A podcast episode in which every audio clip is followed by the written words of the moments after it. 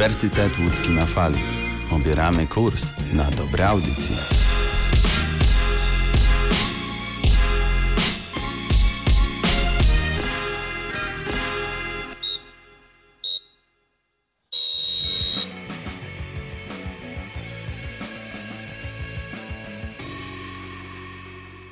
Witam Was, drodzy słuchacze, po bardzo długiej przerwie od piłkarskich emocji w Uniwersytecie Łódzkim na fali.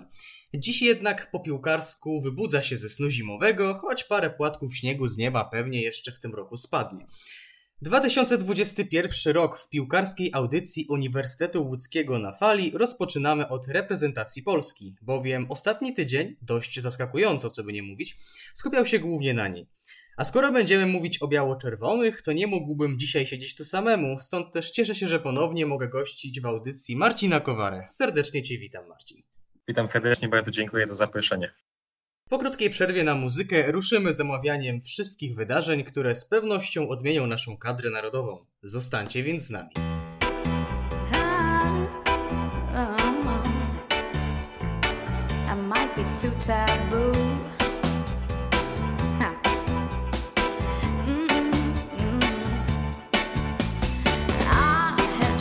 I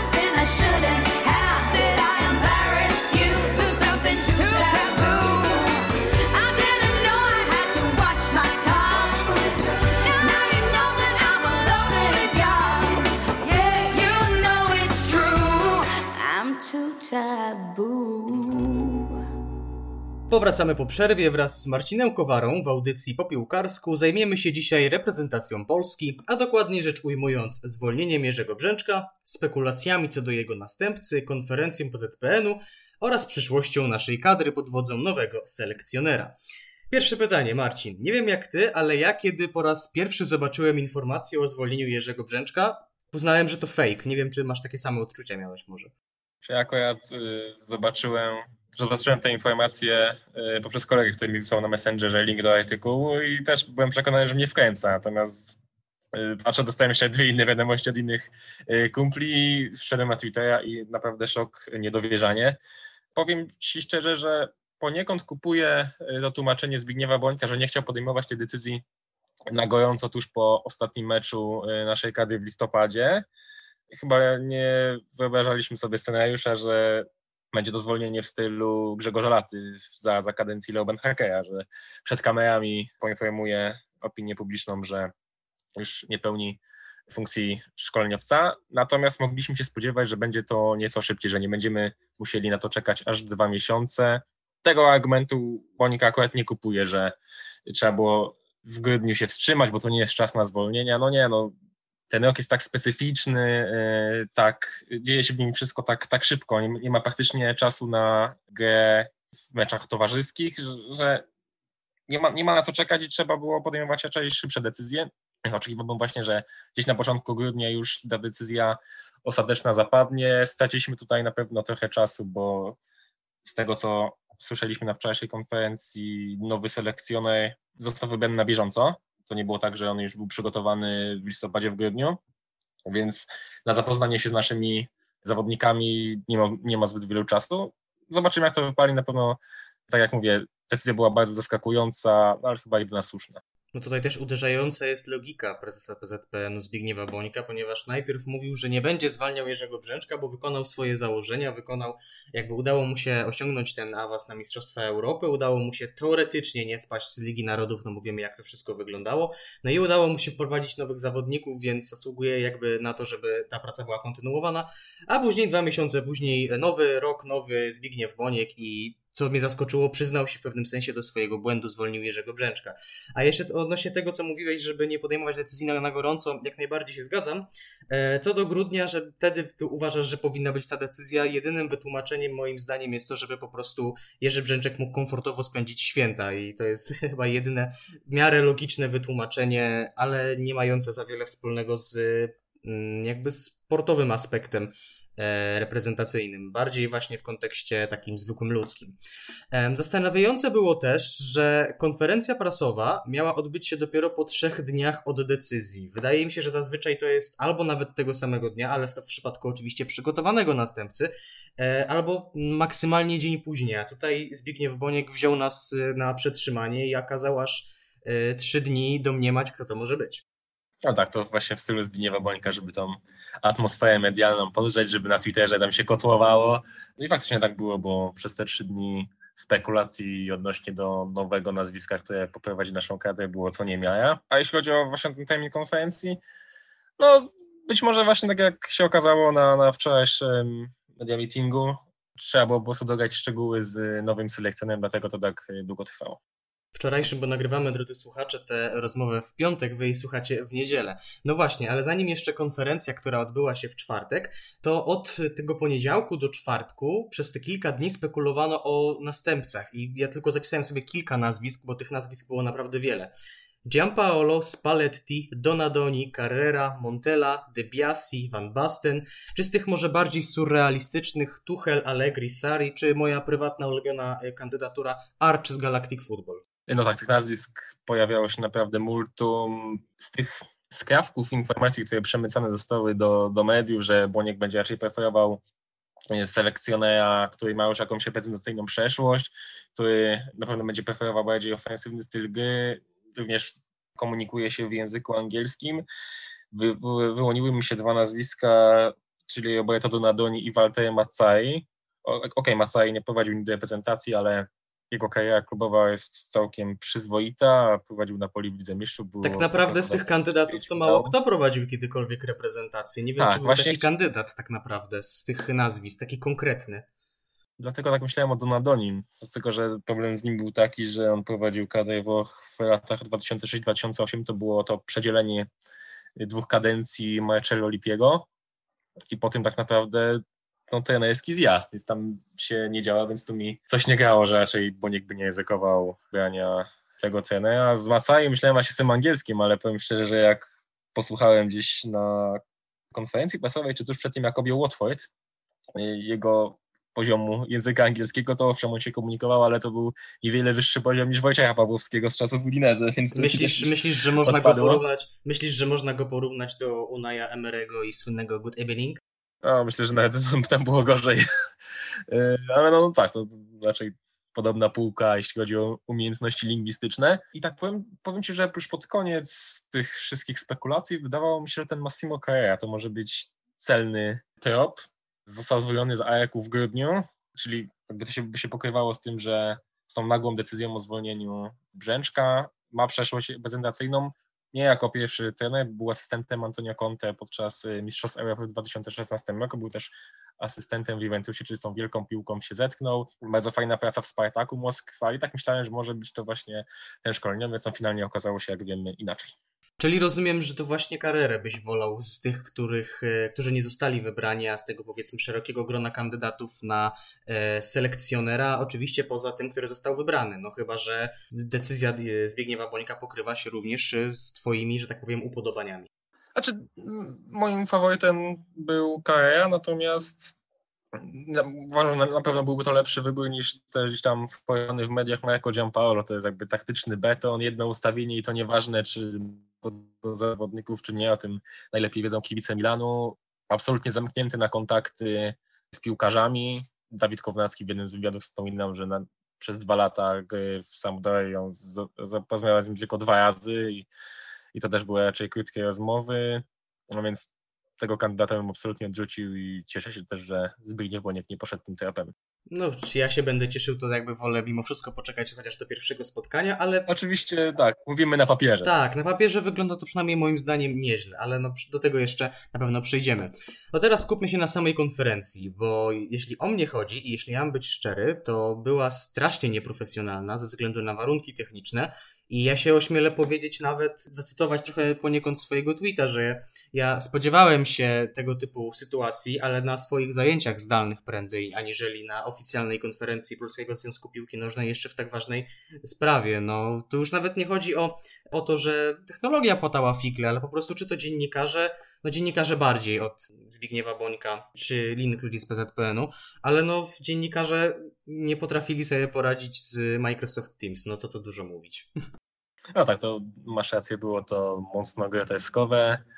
E, No możemy powiedzieć, że jaka kadencja, taką konferencja, oczywiście w formie żartu, ale też wiemy, że w jakichś żyjemy czasach i niestety czasem yy, nawet nie tyle umiejętności dziennikarzy dotyczące obsługi różnych tam urządzeń, tylko po prostu technologia płata figla i tak się niestety dzieje. Natomiast jeśli już przechodzimy do słów Zbigniewa Bońka podczas tej konferencji, to takim najczęściej powtarzanym wyrażeniem prezesa było słowo marazm i w sumie ono oddaje idealnie kadencję Jerzego Brzęczka. Często też się pojawiało, pojawiały się przytyki w stronę mediów, opinii publicznej, że to właśnie ta presja społeczna doprowadziła do finalnego zwolnienia y, selekcjonera. Coś w tym jest, tak jak powiedział prezes, ciężko było odwrócić bieg tych negatywnych wydarzeń, negatywnych odczuć względem tej reprezentacji. Na pewno nie pomógł e, syndrom oblężonej twierdzy, który silnie gdzieś tam forsował w mediach Jerzy Brzęczek. No tak się nie, nie prowadzi reprezentacji, jeśli, o, jeśli chodzi o tę stronę medialną, bo tak nie wiem, mógł prowadzić takie gierki Mourinho, gdy prowadził Real z jego adwersarzem w Barcelonie był Pep Guardiola, ale tutaj cały kraj bardzo mocno wspiera reprezentację i to nie, faktycznie niezależnie od wyników.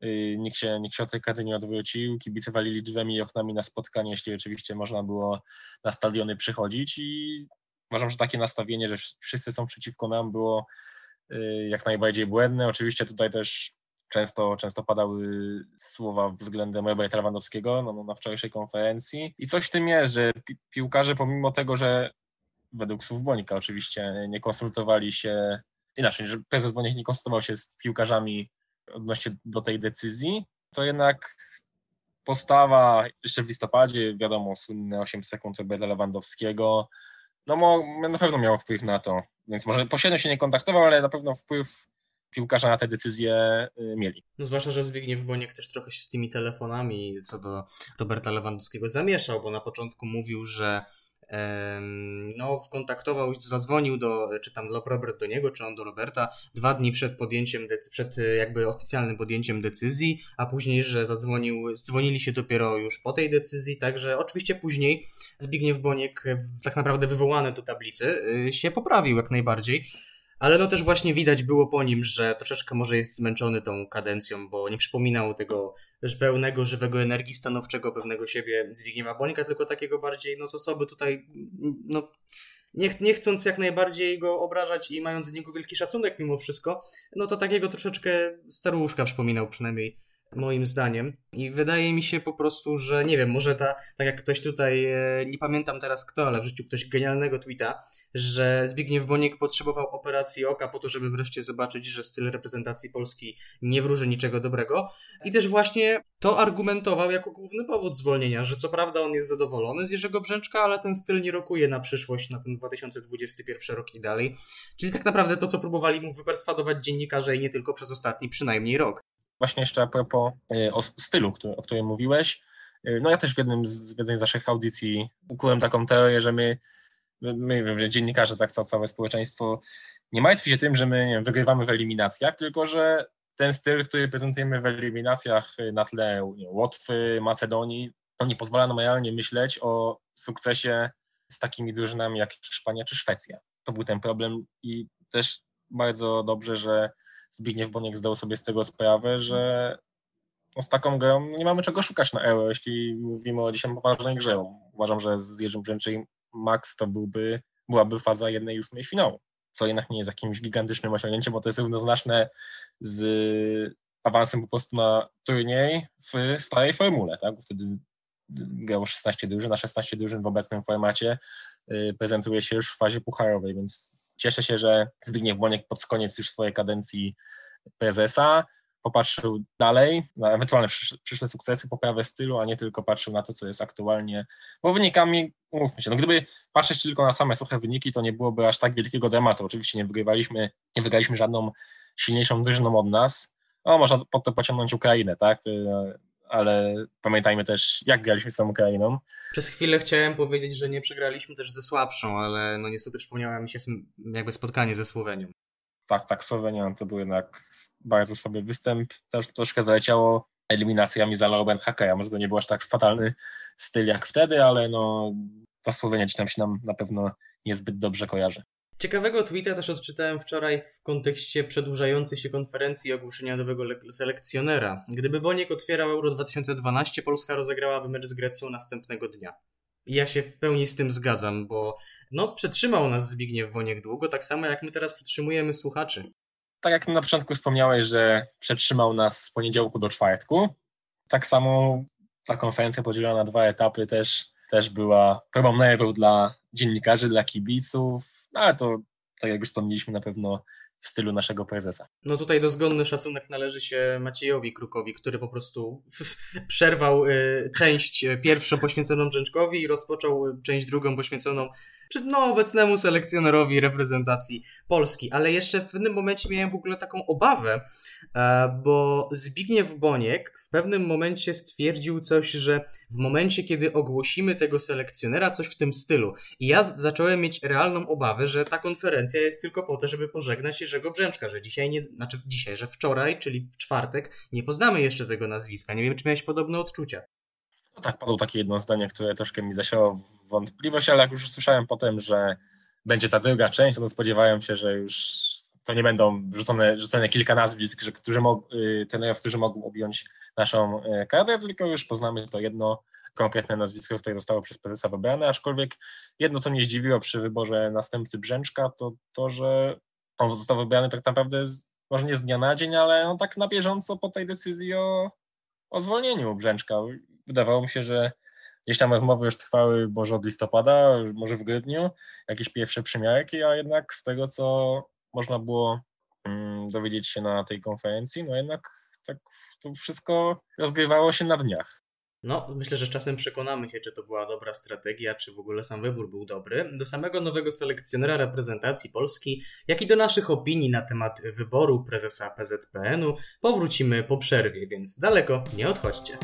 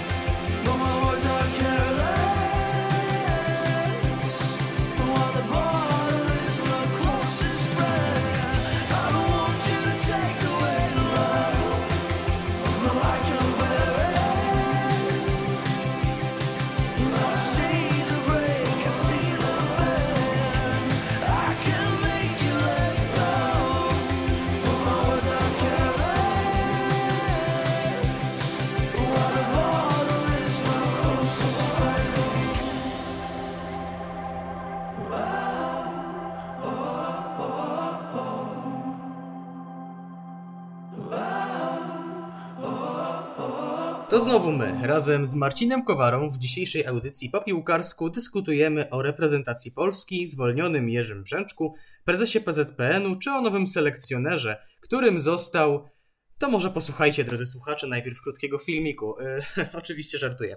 Paulo Sousa, nowy selekcjoner reprezentacji Polski oficjalnie. Pierwsze, co może zadziwić, biorąc pod uwagę, że decyzję podjął właśnie Zbigniew Boniek, mm, nie jest to Włoch.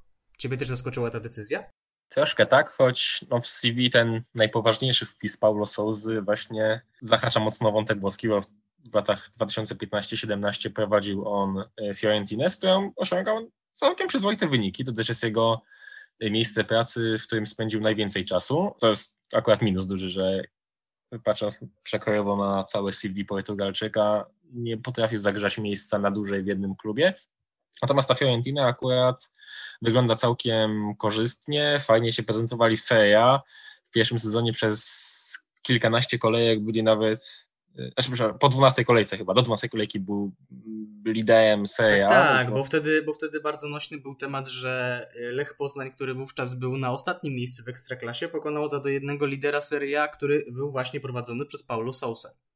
Więc umówmy się, no, patrząc na to, jak silny był przez, jest cały czas Juventus, tak, może akurat Inter czy Milan wtedy miały gorszy okres, natomiast jest to na pewno duże osiągnięcie. Wysokie miejsca na koniec sezonu właśnie w rozgrywkach włoskiej elity. Wychodził z grupy w Li- Lidze Europy. To jest generalnie taki bardzo ważny aspekt trenerskiego CV Portugalczyka, że praktycznie z każdym klubem, z którym miał okazję grać w Europie, wychodził z grupy, bo tak było z Maccabi Tel Awiw, tak było z Bazyleą, gdzie nawet wyszedł z fazy grupowej Ligi Mistrzów i tam wyprzedził Liverpool, co, co jest na pewno swoim osiągnięciem, choć to nie był oczywiście jeszcze ten Liverpool Jurgena Kloppa, tam bodajże za Brendana Rodgersa wtedy. Tak, to był ten najbardziej mimiczny Liverpool tej dekady z Balotellim, e, Lalaną, czy, czy no jeszcze tego typu, czy na przykład Burinim, tego typu zawodnicy. Tak, Lazar Majakowicz to raczej nie był tego naj... typu. Znaczy, ja, ja akurat ze względu na podobne nazwisko się do niego nie doczepiam, ale tak, to był najbardziej memiczny, memiczny Liverpool, ale też chciałbym zwrócić uwagę tak może zbi- zbiorczo na całą, powiedzmy, trenerską karierę Paulo Sousy. E, był asystentem trenera przez e, krótki czas e, w reprezentacji Portugalii. To jest jednego, je, jego do tej pory jedyna styczność z jakąkolwiek kadrą narodową. Mm, Był asystentem Carlosa Queiroza bo, bodajże, a później... Tak, jeśli mówimy oczywiście o dorosłych, bo on prowadził kadrę Portugalii do lat 16, to oczywiście jakby Tak, tak, tak, to się w zgadza. obecnej sytuacji może nie jest jakimś nadzwyczajnym osiągnięciem, ale jednak powiedzmy, że tą selekcją chociażby jakąś miał styczność. To prawda. A jeżeli chodzi o jego dorobek klubowy, no to kolejno tak. Queen's Park Rangers, Swansea, Leicester, Videoton, Maccabi Tel Awiw, FC Basel, Fiorentina, chiński zespół, którego ja jednak nazwę nie ośmielę się wymówić, bo połamy sobie język, i Girondin Bordeaux. I tak naprawdę z tymi klubami, no to właśnie tak jak wspomniałeś, największe sukcesy, jakby porównując największe sukcesy do klasy zespołu i ich rywali w lidze, Fiorentina. Ewentualnie można tu jeszcze dodać Bazyle, czy właśnie Maccabi Tel Awiw, ale na przykład warto też podkreślić beznadziejne wszystkie trzy próby w Anglii, e, albo raczej w Wielkiej Brytanii, czy najświeższy epizod w Girondin Bordeaux, który również był e, tragiczny.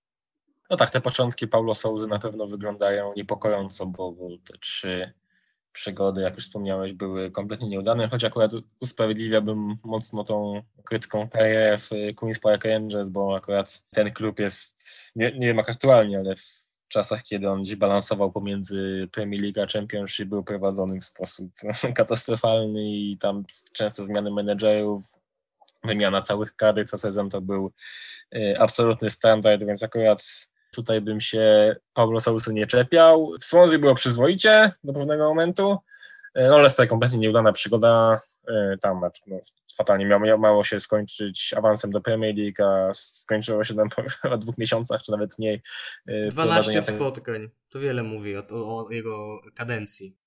i w Bordeaux. Tutaj też bym poniekąd usprawiedliwiał trenera.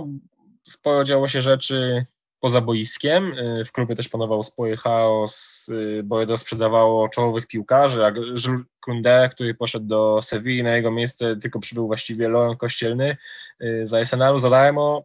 Właściciele nie chcieli wzmacniać składu, czy nawet wręcz uzupełniać tych braków, które z każdym okienkiem stawały się coraz bardziej widoczne. Też sam Souza wypowiadał się, że on został oszukany przy podpisywaniu kontraktu, bo w ogóle nie tak to miało wyglądać.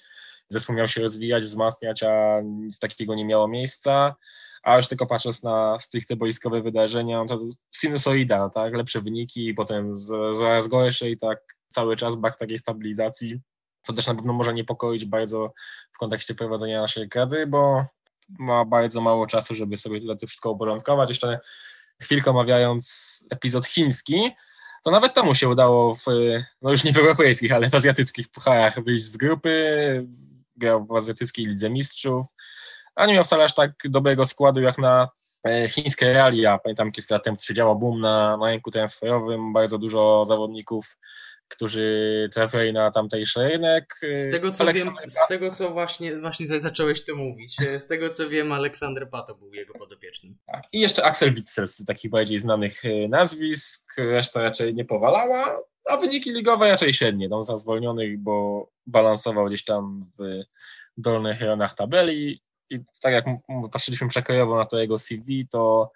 w europejskich pucharach, czy też patrząc na przygodę w Chinach, dobrze sobie radził, w Liga trochę gorzej tutaj. Nawet w Videotonie na Węgrzech udało mu się awansować do fazy grupowej Ligi Europy, więc to też jest na pewno całkiem przyzwoite osiągnięcie. To jeszcze może mm, skupmy się na samej, samym momencie, znaczy może nie tyle ogłoszenia, co jakby pojawienia się w mediach, no bo e, tak naprawdę mogliśmy się spodziewać, że to będzie Paulo Sousa niedługo przed konferencją, bo jego agent zamieścił e, jednoznaczny, e, jednoznaczne zdjęcie na swojego Instagrama, gdzie ląduje w Warszawie, później próbował to odkręcić, do, do, dorzucając, że to zdjęcie z zeszłego roku, ale wówczas nie mieliśmy śniegu, więc to wszystko trochę mm, groteskowo wy- wybrzmiało. W każdym razie, chciałem zapytać, jakie pierwsze wrażenie wywarł na tobie ten trener, kiedy jego nazwisko zaczęło krążyć w eterze, bo e, ja szczerze mówiąc nie rozpatrywałem go jako realną opcję, skupiłem się tak na tych Włochach, a tu się okazuje, że Zbigniew Boniek sięgnął jakby do trenera z przeszłością we Włoszech, ale z przeszłością piłkarską, no trenerską chwilową, ale głównie piłkarską. No tak, tak jak wspomniałeś, troszkę nam agent y, Paulo Sousa zepsuł zabawę. Nie mogliśmy tak trzymać w takiej bardzo dużej niepewności na, na konferencji, bo już przewidywaliśmy, że to na 99% będzie właśnie to nazwisko. Gdy po raz pierwszy słyszałem o tym trenerze, byłem zdziwiony, aczkolwiek analizując sobie jego CV, no powiem Ci, że z tych nazwisk, które się przewijały, to było chyba jedno, jedno z lepszych, tak jak ja kojarzę. Rozumiałem, że Gianpaolo w ogóle nie chciałem, kilka z nazwisk z Włoch też mnie nie przekonywało. Paulo Sousa, no może też nie ma jakiegoś y, CV, które rzuca na kolana, natomiast no, musimy też patrzeć realnie, na jakiej półce trenerskiej się poruszamy. No, ludzie, którzy chcieli Sarego, Allegriego, Tuchela, no to są niestety oderwani od rzeczywistości, bo taki trener w ogóle by nie chciał do nas przyjść. Nawet pewnie gdybyśmy dali duże pieniądze i tego też się bym nie spodziewał. No, jeśli jeszcze kibice takie prośby gdzieś tam kierowali, to jestem w stanie to zrozumieć. Natomiast też niektórzy dziennikarze nawet bardzo poważni sugerowali, że są zawiedzeni wyborem Paulo Sousy, bo liczyli na jakieś nazwisko z absolutnego topu. To już mnie dziwi, że nie mają takiego rozeznania na rynku trenerskim. Jeśli już tak wgłębiłem się w nastawienie trenerskie y, Sousy pod wieloma względami, na pewno rzuca się w oczy zupełnie inne nastawienie niż Jerzego Brzęczka. To jest zwrot o 180 stopni Jestem o tym przekonany, bo jest to trener, który preferuje ofensywny styl gry, y, jak najdłuższe przebywanie na połowie przeciwnika, również w kontaktach z mediami, z zawodnikami, to jest zupełne przeciwieństwo Jerzego Brzęczka, on jest bardzo otwarty, pełni rolę takiego swoistego nauczyciela mm, na konferencjach, potrafi wytłumaczyć, y, z czego to się bierze na boisku, jakie pomysły pragnie wprowadzić y, do zespołu, więc mówiąc szczerze, jestem bardzo ciekawy tej konferencji trenera, tej pi- pierwszej konferencji, która wielkimi krokami nadchodzi. Bodajże w przyszłym tygodniu po raz pierwszy dziennikarze będą mieli okazję porozmawiać z Portugalczykiem i jestem naprawdę ciekawy, jak się na tej konferencji przedstawi. Ciekawe, czy przedstawi się po polsku. No już ten epizod ma za sobą. No, na te filmiki właśnie na pewno y, nie, by, nie było to doskonałe przedstawienie się, ale z czasem by mnie te podstawowe zwroty y, Portugalczyk opanuje. Patrząc jeszcze na jego taktyczne podejście, na pewno będziemy często grali piłką. Mo, może nie z Hiszpanią ale z tymi drużynami równorzędnymi na pewno będzie się starał utrzymywać przy piłce.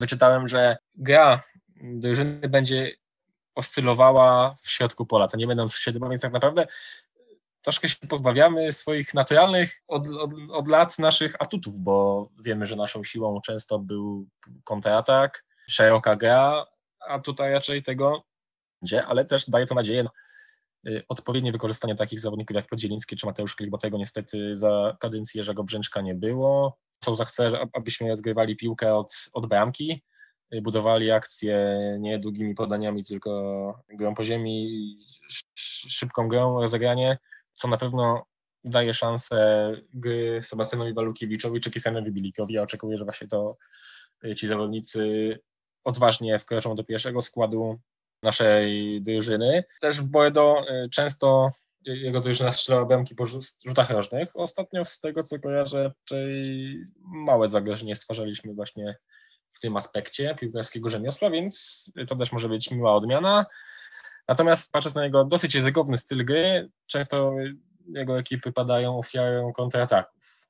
Więc na, na tym się musimy skupić, żeby tej piłki nie tracić. Dlatego uważam, że na przykład w środku pola częściej będzie grał Christian Billy, który technicznie jest naprawdę zaawansowanym piłkarzem, a niekoniecznie, y, niekoniecznie Grzegorz Krychowa, który jednak ostatnio dołuje i no to może być taka wyrazista zmiana warty, zmiana pokoleniowa w y, naszej kadrze.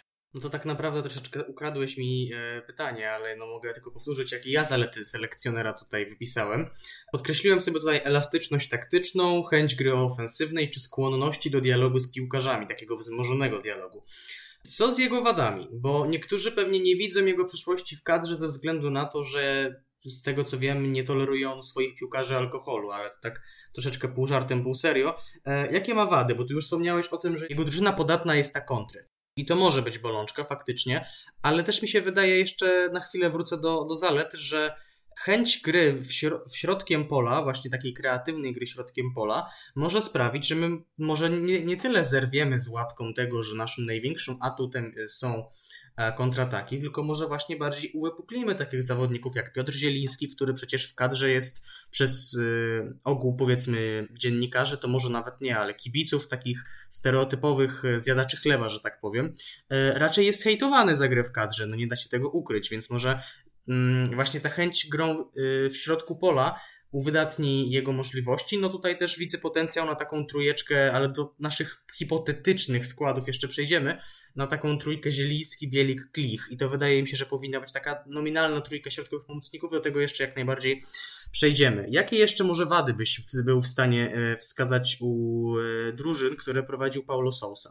Może nie tyle wada stricte boiskowa, natomiast y, jest to człowiek raczej konfliktowy, dogmatyk, który ślepo wierzy w swoje idee i to minimalnie mi się łączy z Gianpaolo, który jak już tuk jednym systemem w Sampdori czy, czy w Milanie, to już jechał tym do końca, niezależnie od wyników. Tutaj tak nie jest, bo jednak wachlarz taktyczny Paulo Sousa jest dosyć duży, natomiast jednak ten styl zawsze, zawsze jest taki sam i to może być problemem, jeśli coś nam nie zatrybi od początku i nie, to właśnie niekoniecznie może być jego atutem, że ślepo podążanie w, w tą grę, przy, grę piłką. Jeśli chodzi też o kontrataki, no to tutaj musimy na się skupić na solidnym i odpowiednim doborze środka pola, bo jeśli zaczniemy tracić piłki właśnie w tej strefie boiska, no to tak jak wspomniałem, narażamy się na duże kąty i to może być dla nas zabójcze, więc to na pewno musimy poprawić, y, żeby takich prostych błędów, które miały miejsce, nie, nie oszukujmy się, za kadencji Jerzego Brzęczka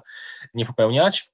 No i tak naprawdę, jeśli chodzi o takie wady, może czytałem tylko te artykuły, które są optymistycznie nastawione do selekcjonera, ale jeśli chodzi o te boiskowe, boiskowe rzeczy, to chyba już wszystko zostało powiedziane. Na pewno trudno będą mieli piłkarze mniej zaawansowani technicznie, to to jest pewne.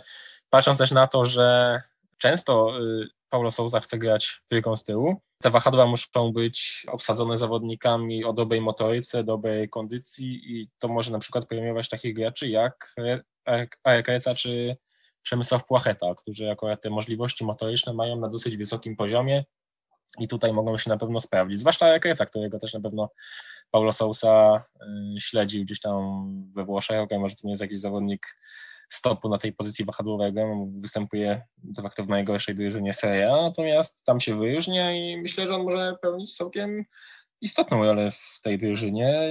Akurat przeciwnicy Brzęczka, który, którzy wypominali selekcjonerowi to ślepe stawienie na Ece, mogą się akurat zdziwić, jeśli chodzi o, o to nazwisko, że nie zostanie ono odstawione tak y, od razu. No, akurat tutaj się y, zgadzamy. No to może właśnie przejdźmy do naszych przewidywanych, może nawet nie tyle systemów, ale też wyborów personalnych, przynajmniej na start, jeśli chodzi o Paulo Sousę, bo tak krótko jeszcze o jego stylu. Y, Preferuje on właśnie system z trójką obrońców i najczęściej jest to ustawienie 1-3-4-2-1. Trzech obrońców, czterech pomocników, dwóch takich zawodników, y, a to skrzydłowych, a to ustawionych za napastnikiem, no i właśnie wysunięty jeden ten główny egzekutor. Ale lubi też grać na przykład systemem 4-3-3, który bardzo mi pasuje moim zdaniem do reprezentacji Polski i wydaje mi się, że to właśnie chyba ta formacja będzie tą domyślną dla kadry. Przynajmniej na początku, bo no, jesteśmy przyzwyczajeni do gry czwórką obrońców. Zazwyczaj jednak, ostatecznie, Paulo Sousa ma w zwyczaju tak, że i tak prędzej czy później przerabia swój zespół na styl z trzema defensorami. I tutaj mam pewne obawy, y, mimo wszystko, ponieważ pamiętam jeszcze takie eksperymenty za kadencji Adama Nawałki i wychodziło to, delikatnie rzecz ujmując, słabo.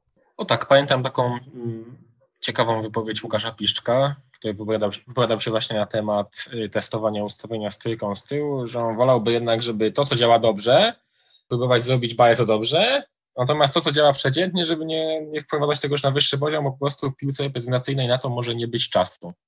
Y, Jeśli chodzi o ustawienie, ja tu ja się w swojej takiej prognozowanej 11 pokusiłem o y, 1-3-4-2-1, Y, Natomiast tak jak wspomniałeś, y, Paulo Sousa jest bardzo elastyczny w tym nastawieniu. W czasie meczu nawet potrafi dwa, trzy ustawienia wprowadzać, więc to na to nasi piłkarze muszą się na pewno przygotować. W fazie defensywnej drużyny są grają raczej czwórką z tyłu, dopiero w tej fazie ofensywnej przychodzą na trójkę i wtedy to ten jeden z bocznych obrońców zostaje środkowym defensorem. Tutaj najczęściej, z tego co zauważyłem, był to y, prawy obrońca, co może premiować chociażby do gry Tomka Kędziorę. Tak chyba też grał w Dynamik Kijów. A ten z lewej strony jest skrzydłowym. Tutaj też nam daje to kilka fajnych opcji, bo mamy Maćka Ebusa, który przecież zaczynał jako, jako lewoskrzydłowy, jest Arkadiusz Reca, który lepiej sobie radzi z przodu niż z tyłu. Więc akurat patrząc tutaj na ustawienia taktyczne i zawodników, którzy znajdą się w kadrze nowego selekcjonera, no daje nam to naprawdę spore możliwości.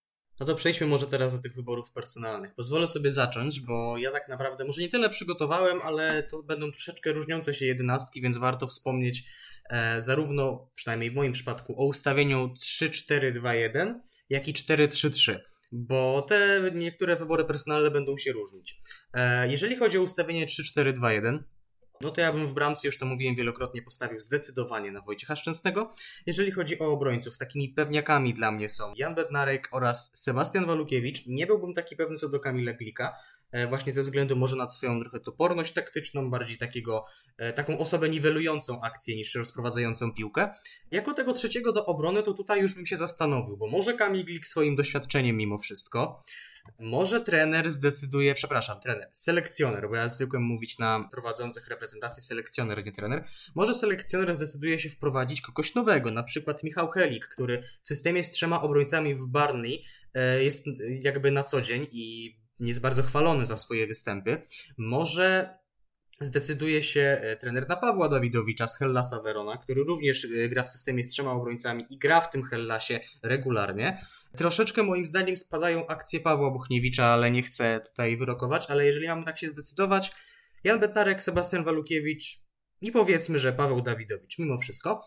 E, To to była moim zdaniem taka nominalna trójka środkowych, środkowych, półśrodkowych obrońców. Idąc dalej w tym systemie, jeśli chodzi o wahadłowych, na lewym wahadle widzę zdecydowanie Arka Rece, ponieważ e, z tego co pamiętam Maciek Rybus nie ogarniał tej pozycji za dobrze. Więc tutaj zdecydowanie lewe wahadło Arek Reca. Na prawym wahadle postawiłbym na Przemka Płachetę, bo wydaje mi się, że właśnie ze względu na swoją motorykę, e, ze względu na swoją szybkość, ze względu na to, że on już małe doświadczenie na grze na boku obrony ma. Co prawda było to doświadczenie na lewej stronie boiska, aczkolwiek on na prawej stronie boiska, przynajmniej w tych meczach z Holandią i Ukrainą, wyglądał naprawdę dobrze. Wydaje mi się, że jakby go trochę cofnąć, również nie byłoby to złe rozwiązanie, więc tutaj chyba raczej Przemek Płacheta, aczkolwiek jak najbardziej Tomek Kędziora czy Bartek Bereszyński również bym ich tutaj rozpatrywał. W środku pola Krystian Bielik i Piotr Zieliński. Mateusz Klich, tak do rotacji bym y, ich dawał. Krystian Bielik oczywiście bardziej od zadań defensywnych, Piotrek Zieliński bardziej od ofensywy. E, Jeżeli chodzi o mm, tych takich za napastnikiem czy, czy skrzydłowych, jeżeli by to byli skrzydłowi, no to Kamil Jóźwiak i Kamil Grosicki. Jeżeli by to byli tacy bardziej cofnięci zawodnicy, no to tutaj widzę potencjał na współpracę Mateusz Klich, Piotr Zieliński, a wówczas w środku pola koło Krystiana Bielika bym tak naprawdę miał trochę problem z ustawieniem, bo to zależy chyba od planu na mecz, bo tam zależnie od formy też mógłby grać na przykład Jakub Moder, jeżeli osiągnąłby odpowiednią formę i grałby na tej pozycji, mógłby grać tam Michał Karbownik, mógłby grać tam Grzegorz Krychowiak, Jacek Góralski, Karol Linetty, no tutaj jest y, ogrom, ogrom potencjału. No a napastnikiem no to oczywiście Robert Lewandowski. I przechodząc już do drugiej e, mojej formacji, w tym przydługim wywodzie, 4-3-3. Wojciech Szczęsny, poczni obrońcy, Tomek Kędziora oraz, i tutaj bym jednak postawił Maciek Rybus, bardziej defensywne zadania, więc zdecydowałbym się na Maćka. E, środek obrony, Jan Bednarek, i tu mam dylemat, czy Kamil Glik, czy Sebastian Walukiewicz. Sebastian Walukiewicz teraz nie ma najlepszego okresu w Cagliari, a przynajmniej nie tak dobrego jak miał wcześniej, więc może jednak mimo wszystko postawiłbym na Glika. E, Środek pola to już wspomniałem wcześniej. Piotr Zieliński, Krystian e, Bielik oraz Mateusz Klich. No a jeżeli chodzi o, o, o, skrzydłowych i o napastnika, no to tak jak tutaj e, wspomniałem we wcześniejszej formacji, Kamil Grosicki, Kamil Jóźwiak i Robert Lewandowski, ewentualnie za Grosickiego Płacheta. No to jeśli chodzi o moje ustawienie, ja tutaj jednak patrząc na te informacje, że selekcjoner Souza będzie raczej preferował środkiem pola, zdecydowałem się na 1-3-4-2-1. To oczywiście może przejść płynnie z 1-2 w ofensywie. W oczywiście Wojciech Szczęsny, to też jest uważam bardzo ważne, żeby nowy selekcjoner jasno, jasno powiedział, kto według niego jest pierwszym bramkarzem. No nie, nie wyobrażam sobie innego wyboru niż, niż Wojciech Szczęsny przy oczywiście całym szacunku i uwielbieniu względem Łukasza Fabiańskiego, bo uważam, że jest to świetny bramkarz, no ale Szczęsny jest młodszy, Szczęsny jest w bardzo dobrej formie w tym sezonie, od, od kilku sezonów, ale st- równy, stabilny, też nie łapią go kontuzje, które ostatnio niestety troszkę też bardziej nękają Łukasza Fabiańskiego, więc dla mnie absolutnie numerem jeden jest y, goalkeeper Juventusu. Y, Trójka z tyłu zdecydowałem się na Glika, Bednarka i Walukiewicza. Mimo wszystko trzech rozgrywających, którzy, bardzo dobrze wprowadzają piłkę, może być jednak troszkę, troszkę za dużo i może taki właśnie, jak wspomniałeś, toporny y, Kamil Glik, o- ostro grający zdecydowanie, przyda nam się też w tej linii defensywnej. Jeśli jednak Souza zdecyduje, że zawodnik o sporych ograniczeniach technicznych nie jest mu w linii defensywnej potrzebny, zawsze można, można na przykład cofnąć y, Krystiana Bilika, który przecież grał y, już na środku obrony. Uważam, że byłaby to też jakaś opcja. Wiadomo, że zwłaszcza w reprezentacji, jeśli zawodnik gra na kilku pozycjach, to jest to jak najbardziej bardzo duży atut. Wspomniałeś o Dawidowiczu, choćby też bym z chęcią go zobaczył w kadrze. Nie dostawał zbyt wielu szans. Nie wiem, czy on ma chyba z jeden występ w tym momencie na koncie w, w koszulce z orzełkiem na piersi, więc z chęcią też bym zobaczył, jak on się obecnie prezentuje na poziomie reprezentacyjnym. Wahadełka to u mnie Eca i Bereszyński mimo wszystko. Pam- Pamiętam, jak on jeszcze przecież zaczynał jako napastnik, więc gra w ofensywie nie jest mu obca.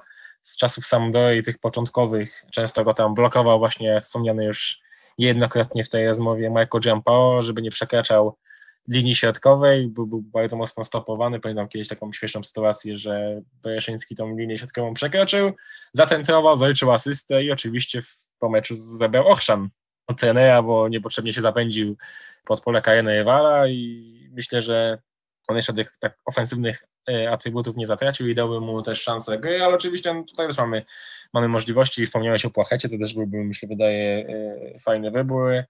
No Tomek Kędzioła na wahadło może troszkę mniej mnie przekonuje, ale, ale czemu nie? W środku dałbym Krystiana Bilika i Mateusza Klicha. Poruszałbym się bardziej właśnie wokół tych zawodników lepszych technicznie, bo, bo tak już wspomniałem, strata piłki w tej strefie boiska przy nastawieniu taktycznym Paulo Souzy może być bardzo ryzykowna i tutaj zawodnik typu Jacek Góralski czy Grzegorz Krychowiak, no byłoby to jednak duże ryzyko wystawiać takiego gracza. Dwójka z przodu, troszkę zaryzykowałem, bo obok Piotra Zielińskiego, który stawiany jest w tym momencie w Napoli dużo wyżej i tam chyba osiągnął formę życia, więc to jest jak najbardziej wybór oczywisty. Dałem również Arka Milika z nadzieją, że w Marsylii będzie grał. Z tego co słyszę, ma tam spore szanse na występy w pierwszym składzie, więc jeśli te pół roku spędzi na boisku, a nie, na ławce rezerwowych, to jak najbardziej widziałbym go w składzie drużyny, bo też pamiętajmy, co spowodowało odblokowanie strzeleckie Roberta Lewandowskiego za kadencji Adama Nawałki, obecność Arkadiusza Milika. Y, Więc y, tutaj bym na pewno też widział y, 26-latka w podstawowym składzie kadry, jeśli oczywiście będzie grał regularnie, no i na szpicy to nie ma o czym mówić. To się zgadza, ale jeszcze też y, przy okazji omawiania tych składów warto jakby przedyskutować sprawę, czy to jest tak, że mm, ktoś w ogóle nowy może dołączyć do tej kadry jeszcze przed Euro, bo niby jest nowy selekcjoner, ale tego czasu jest mało i są praktycznie same mecze o stawkę. Kiedy będziemy grali pierwsze mecze towarzyskie w tym roku, to będziemy już musieli znać 23-osobową kadrę na Euro. Więc czy tutaj jest jeszcze szansa na wyjazd na Euro dla takich zawodników jak Michał Helik, Paweł Dawidowicz, Michał Karbownik, który przecież e, też musi zmienił klub, Krystian Bielik, który przecież jest po kontuzji. Znaczy o Krystiana Bielika się akurat nie obawiam, bo on ma naprawdę teraz wybitną formę i skandalem byłoby, gdyby się na e, 20-paroosobowej kadrze na Węgry nie znalazł. To właśnie, czy, czy nawet Bartosz Białek, który się powoli rozpędza w Wolfsburgu i kto wie, czy zaraz nie zacznie być rozpatrywany jako ten napastnik numer powiedzmy 3-4 i może zagrozić nawet Krzysztofowi Piątkowi, czy oni jeszcze mają jakąś szansę na znalezienie się w tej szerokiej chociaż kadrze, bo no czasu jest naprawdę niewiele. Wydaje mi się, że oczywiście nowy selekcjoner to nowe otwarcie, aczkolwiek jednym z niewielu atutów selekcjonera Brzęczka było to, że on nie podejmował jakichś kontrowersyjnych decyzji personalnych. On z reguły powo- powoływał tych zawodników, którzy aktualnie zasługiwali na powołanie. Wprowadzał też często młodych graczy, przecież to u niego debiutował choćby Walukiewicz. Yy, E, Model wiem, tak samo. e, Marcin, wiem, że wy- wyjątek potwierdza regułę, ale muszę wspomnieć tutaj o Jakubie Błaszczykowskim. No tak, no to tak pierwsza faza jego kadencji, także zresztą zamknął ten rozdział dosyć szybko i wydaje mi się, że nie ma tutaj co na, ten temat dyskutować. Na początku no, oczywiście te powołania były na wyrost, ale potem jak już Kuba rozsypał się zdrowotnie, to to już nie zagościł w kadrze i mm, myślę, że akurat tutaj nie ma co mieć do selekcjonera pretensji. Więc wracając do, do meritum, na pewno nowi zawodnicy mają szansę na wkroczenie do tej kadry, ale też wydaje mi się, że musieliby zrobić coś naprawdę spektakularnego, żeby się w tej drużynie znaleźć. Wydaje mi się, że ta grupa, którą powoływał Brzęczek w październiku, w listopadzie jest taką optymalną. Oczywiście tam kilka nazwisk może się zmienić, kilku nie zostało chowanych. Na przykład może teraz wskoczyć znów do kadry Damian Kondzio, jeśli na wypożyczeniu w Trójcy sobie e, będzie dobrze radził, ale no, nie spodziewałbym się jakichś drastycznych zmian. To teraz tak już kończąc całą tę audycję, trzeba tutaj powiedzieć, czy może być tak, że jednak zatęsknimy za, zatęsknimy za Jerzym Brzęczkiem, bo tak jak już mówiłem, czasu jest niewiele, nie ma miejsca na utratę punktów w eliminacjach do Mistrzostw Świata. Za chwilę euro. Czy to nie jest tak, że to może być jedna wielka wtopa i okaże się, że będzie jeszcze gorzej niż za e, Jerzego Brzęczka? Mi się wydaje, że raczej nie, ale czy muszę po prostu wrzucić tutaj taką małą kość niezgody?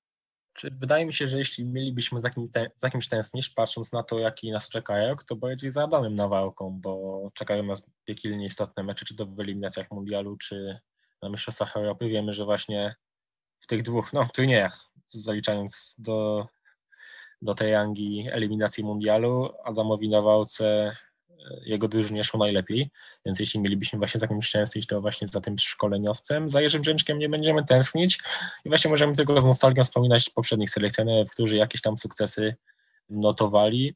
Oczywiście, tak jak wspomniałeś, to może być kompletny, kompletny niewypał. Pozatrudnienie szkoleniowca, praktycznie każdego, wiąże się z dużą niewiadomą i ciężko na ten moment cokolwiek przewidzieć. Możemy sobie tutaj debatować, dyskutować o ustawieniu taktycznym, o super podejściu Sołzy do mediów, do piłkarzy, no ale nie wiemy, jakie to będzie miało przełożenie na wyniki drużyny i na grę, tak, bo y, chociażby w Bordeaux, w którym też forsował swoje pomysły, ta gra nie wyglądała za fajnie z tego, co się orientuje, więc y, może być różnie, ale na pewno ta zmiana daje nam nadzieję na niezły wynik na Mistrzostwach Europy i na awans na Mundial, bo mówmy się, z Jerzym Brzęczkiem to byłoby no, stabilnie, tak? No, chciałem powiedzieć coś innego, wiadomo, byłoby źle, no, ale stabilnie. I, i faktycznie nie byłoby takiej ekscytacji tym turniejem, tymi eliminacjami, bo byśmy wiedzieli, że no, nie mamy za bardzo tam czego szukać. I wolę niepewność, która daje nam nadzieję na fajny wynik, niż pewność, że tego fajnego wyniku nie będzie. Więc uważam, że tą, tą zmianę może minimalnie była zrobiona za późno, że powinna być dokonana koniec listopada, początek grudnia, nie w styczniu, ale summa summarum uważam, że jest to dobra decyzja. Paulo Sousa też jest tym trenerem, który był, tak jak wspomniałem, jednym z lepszych nazwisk y, z tej całej giełdy trenerskiej. Patrzę z optymizmem w przyszłość, zmiarkowanym, bo jednak no, ciężko jest tutaj ocenić, jak to będzie wyglądało na boisku, ale mam nadzieję, że na pewno będzie wyglądać lepiej niż za Jerzego Brzęczka. Co to nam przyniesie, czas pokaże. To jeszcze y, mówiłem już na sam koniec, ale teraz pomyślałem o fajnym mm, dodatku do tej audycji. No bo y, trochę przetestuję Twoją wiedzę. Paulo Sousa jest z tego co widzę czwartym selekcjonerem reprezentacji Polski, który nie jest Polakiem. Poprzednim był oczywiście Leo Benhaker, ale zastanawia mnie, czy wymienisz poprawnie chociaż jedną narodowość, nie mówię o nazwiskach, ale narodowość e, poprzednich dwóch selekcjonerów, chociaż jedną. Podejrzewam, że są bardzo odległe czasy, typowałbym w trenera z Węgier. Zgadłbyś, bo dosłownie węg- dokładnie Węgierska Republika Ludowa, Andor Hajdu, jeśli się nie mylę, dobrze to chyba wypowiedziałem, poprowadził, jeśli się nie mylę, reprezentację tylko w jednym meczu i to jeszcze wspólnie z Edwardem Cebulą i było to dokładnie 8 sierpnia 1954 roku. A drugim takim selekcjonerem, e, to jeszcze bardziej zamieszłe czasy, był Kurt Otto, który był spod flagi III Rzeszy. To jest bardzo ciekawe w kontekście historycznym, e, bo co prawda on objął kadrę na również chyba, jeśli się nie mylę, jedno spotkanie, Chyba tak. Y, I to było dokładnie 6 września 1936 roku, więc ciekawa sytuacja 3 lata przed e, wojną, prawie 3 lata przed wojną. No, taka myślę ciekawostka i dosyć ciekawa, ciekawostka ciekawa. Taką ciekawostkę po prostu wrzuciłem na koniec tej audycji. E, a ty z, z, z, e, historii polskiej piłki jakby egzamin zdałeś celująco. E, dobrze. Myślę, że wszystko już e, opowiedzieliśmy. Więcej jest co prawda niewiadomych, ale na pewno te niewiadome e, zostaną rozwiane albo na najbliższej konferencji z nowym trenerem, albo podczas pierwszego spotkania z Węgrami, a na pewno już na Euro. Mam wielką nadzieję, że Paulo Sousa mimo wszystko nie okaże się gorszy od Jerzego Brzęczka. Może nie są to, może nie są to wygórowane wymagania, ale od czegoś trzeba zacząć i myślę, że z czasem możemy wymagać oczywiście więcej. To by było na tyle w dzisiejszym popiłkarsku. Serdecznie dziękuję Ci Marcin za dzisiejszą rozmowę i już teraz zapraszam Cię do audycji przy okazji rzeczonego spotkania z Węgrami. No chyba, że po drodze wydarzy się coś równie ważnego. Na przykład Paulo Sousa stwierdzi po tygodniu, że jednak się na to nie pisze i znowu będziemy rozglądać się za selekcjonerem. No, uznajmy, że to jest jednak, jednak jest już ostatnia decyzja y, dotycząca nowego selekcjonera w kadencji Zbigniewa Bońka. Miejmy nadzieję, że tak będzie i że nie będzie tutaj żadnych nieprzewidzianych y, decyzji.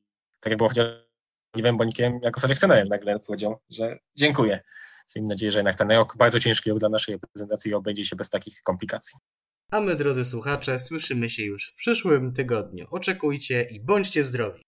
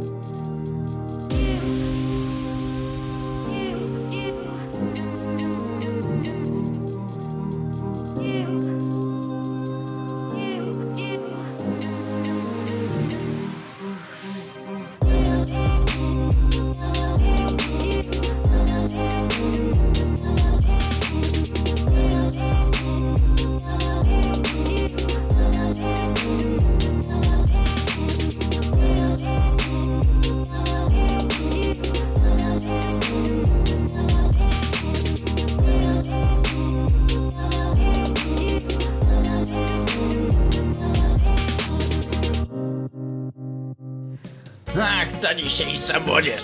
Zero kultury. Dziadek, co ty gadasz? My jesteśmy kulturystami.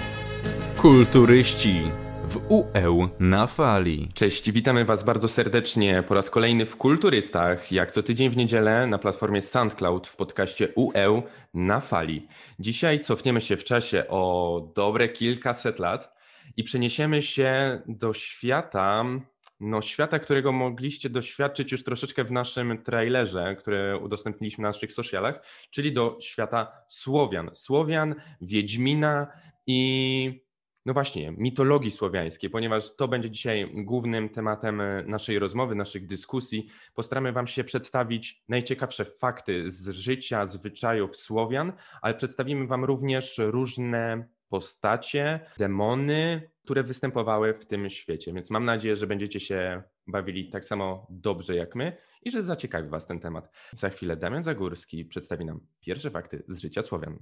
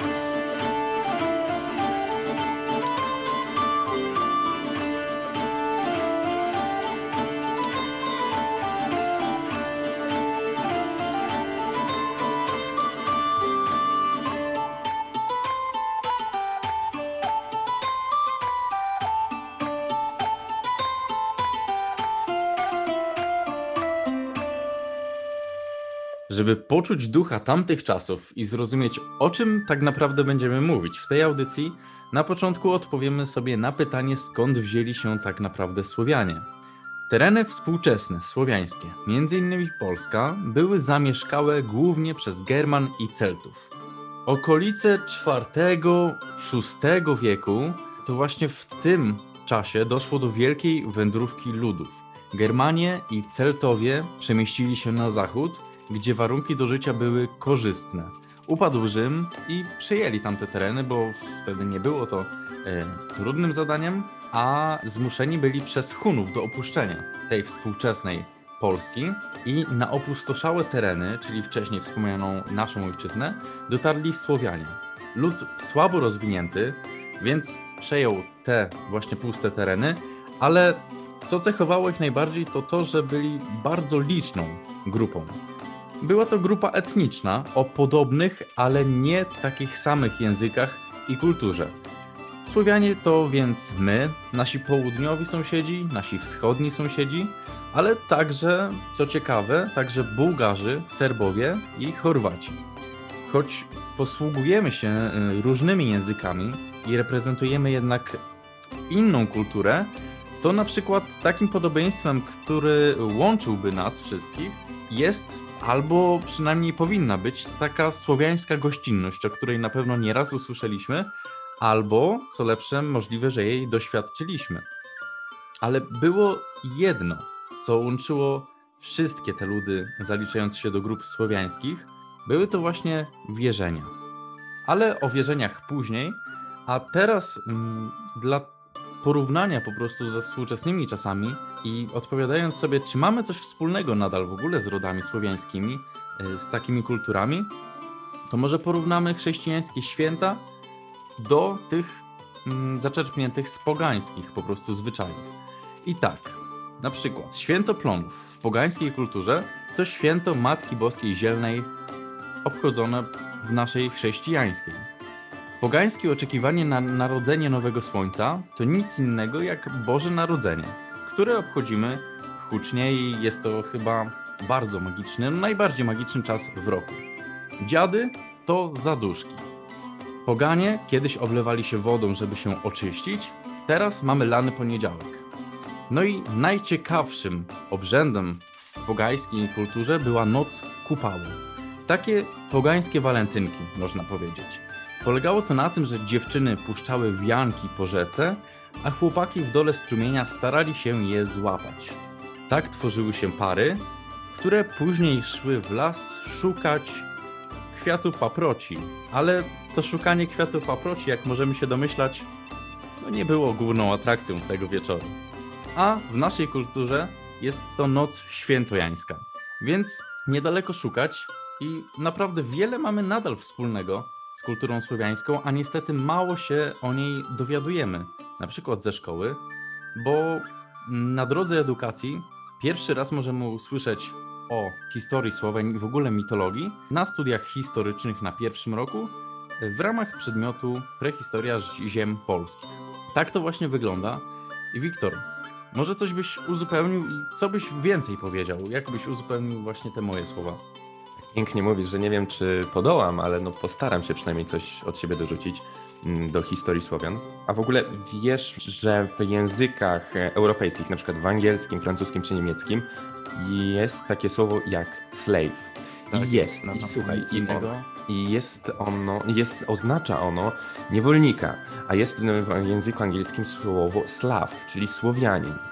I nie bez powodu ono jest tak podobne. Nie są one do siebie tak podobne bez powodu. Ale w zasadzie dlaczego? Otóż winowajcą tego wszystkiego jest władca Czech z X wieku, który był ojcem Dobrawy. I był on głównym dostawcą niewolników na zachód. Niewolnicy sprzedawani przez e, czeskiego króla trafili aż do Hiszpanii. E, Jeden z arabskich uczonych opisywał Słowian w Księdze Zwierząt. Tak. Każdy z nich był pozbawiony inteligencji, umiejętności manualnych, talentu do nauki, języków i umiejętności do wypowiadania się. Jedyne, co mogło im pomóc, była kastracja. Tak więc Słowianie płci męskiej nie mieli lekko, niestety. Po wykastrowaniu większość z nich trafiała do służby domowej w wielkich miastach. Z kolei Słowianki zostawały konkubinami, mimo że nie miały mieć żadnych umiejętności łóżkowych. Ale przejdźmy może teraz do no, może ciekawszego i troszeczkę przyjemniejszego e, tematu, czyli do rytuałów słowiańskich, co troszeczkę wiąże się ze świętami.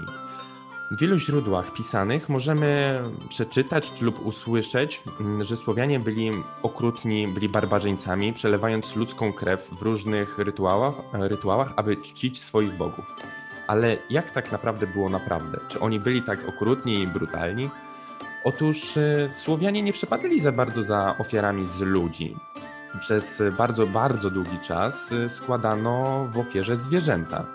Od czasu do czasu faktycznie ludzka krew została przelana przy wyjątkowo trudnych czasach, ale niestety im cięższe czasy, im więcej problemów, tym ofiara musiała być większa.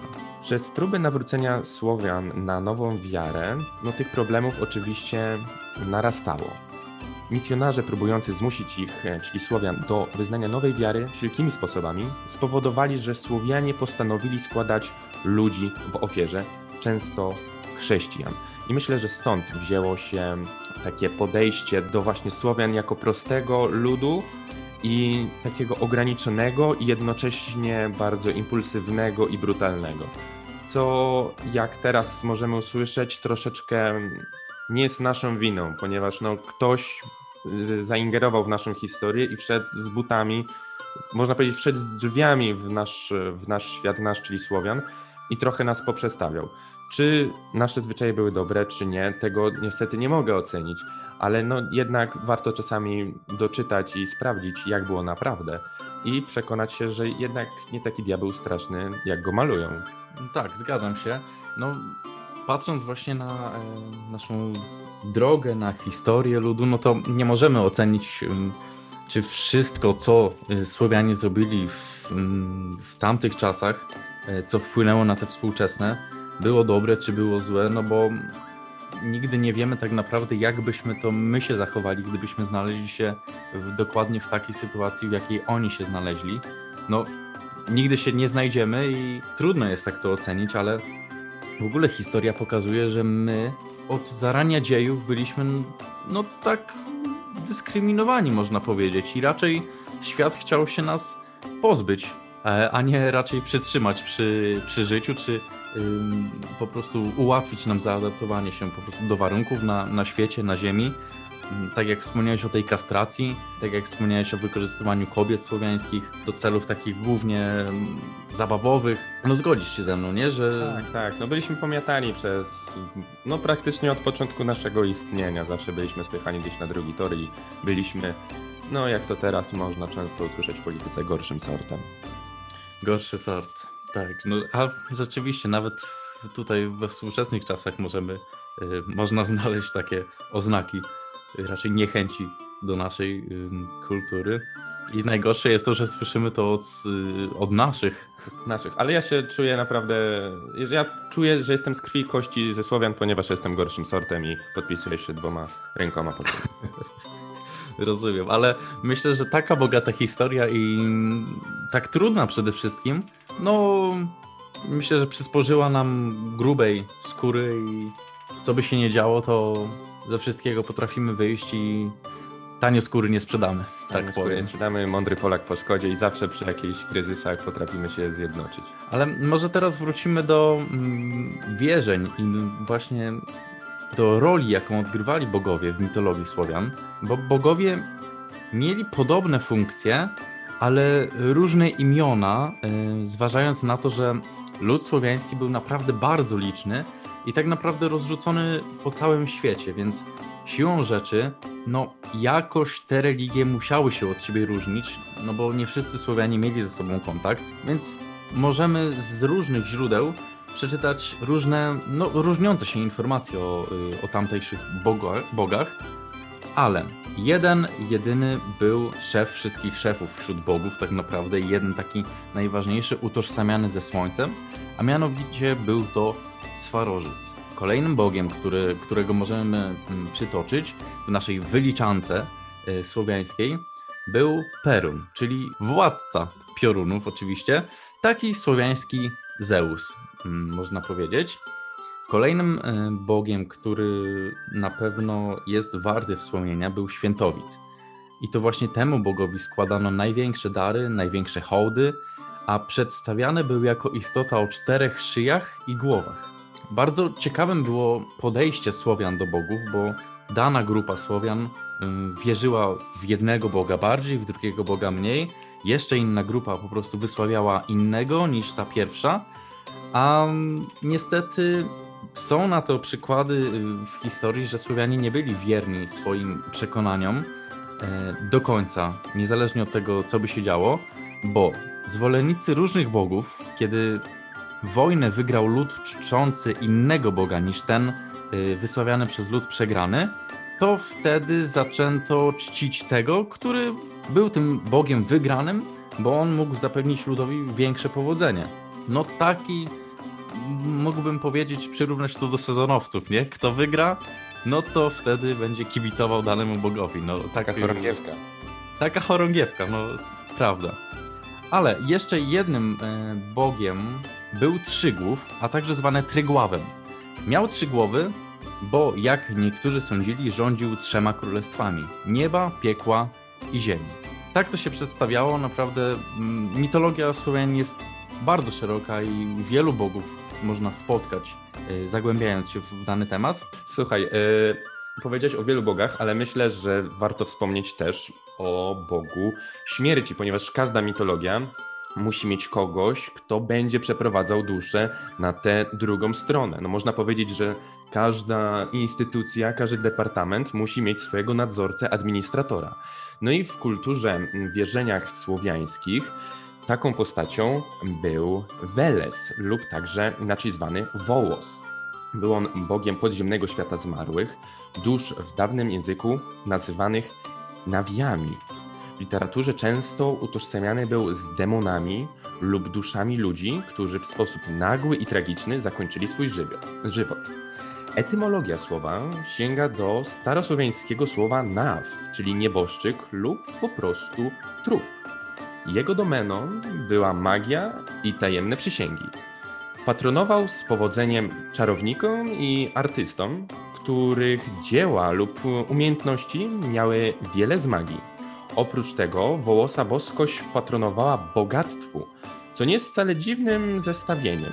Podania literackie potwierdzają używanie miana bóstwa przy zawieraniu umów i składaniu przysięg. Jest jeszcze jedna właściwość bożka zaświatów budzącego gorące dyskusje wśród naukowców. Będąc patronem dostatku, związany jest z żywym inwentarzem, czyli bydłem, które w, no, w tamtych czasach stanowiło wyznacznik stanu posiadania i statusu społecznego. Dlatego Weles zwany jest czasem Scotty Bog, rogaty Bóg. Znaczy inaczej Bóg bydła. Może to też być przyczyną kojarzenia bóstwa z diabłem i przedstawienia go jako rogatego stwora, a w powiedzeniach na przykład z języka czeskiego wysłanie kogoś do Welesa było jednoznaczne z posłaniem do czorta. No proszę, bardzo ciekawe, ale wspomniałeś tutaj o Welesie. No to nie mogę pozostać dłużny i muszę odmienić y, tematykę kapłanów w religii słowiańskiej, bo mm, jedna grupa, dokładnie grupa Wołkwów, właśnie mm, ich, ym, ich magia, można powiedzieć, była związana z Welesem, ale zacznę od żerców. A żercy to nic innego jak właśnie kapłani w religii słowiańskiej, pozostający w bliskim związku ze słowiem żertwa, czyli ofiara. Żercy zajmowali się składaniem ofiar i wyznaczaniem terminów świąt, wróżeniem i udzielaniem małżeństw. Taka ciekawostka, że swadźba to słowiańska forma ślubu. Stanowili elitę we, wczesnosłowiańskich, yy, we wczesnosłowiańskim społeczeństwie i odgrywali dużą rolę polityczną, a niejednokrotnie współrządzili wraz z księciem.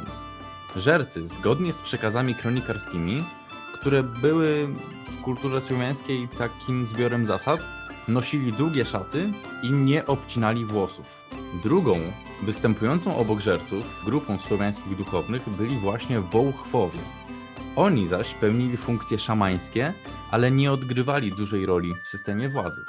Po chrystianizacji Wołchwów zaczęto nazywać guślarzami, a guślarzy no to już znamy na przykład z dziadów, już nie jest to tak obcy dla nas termin.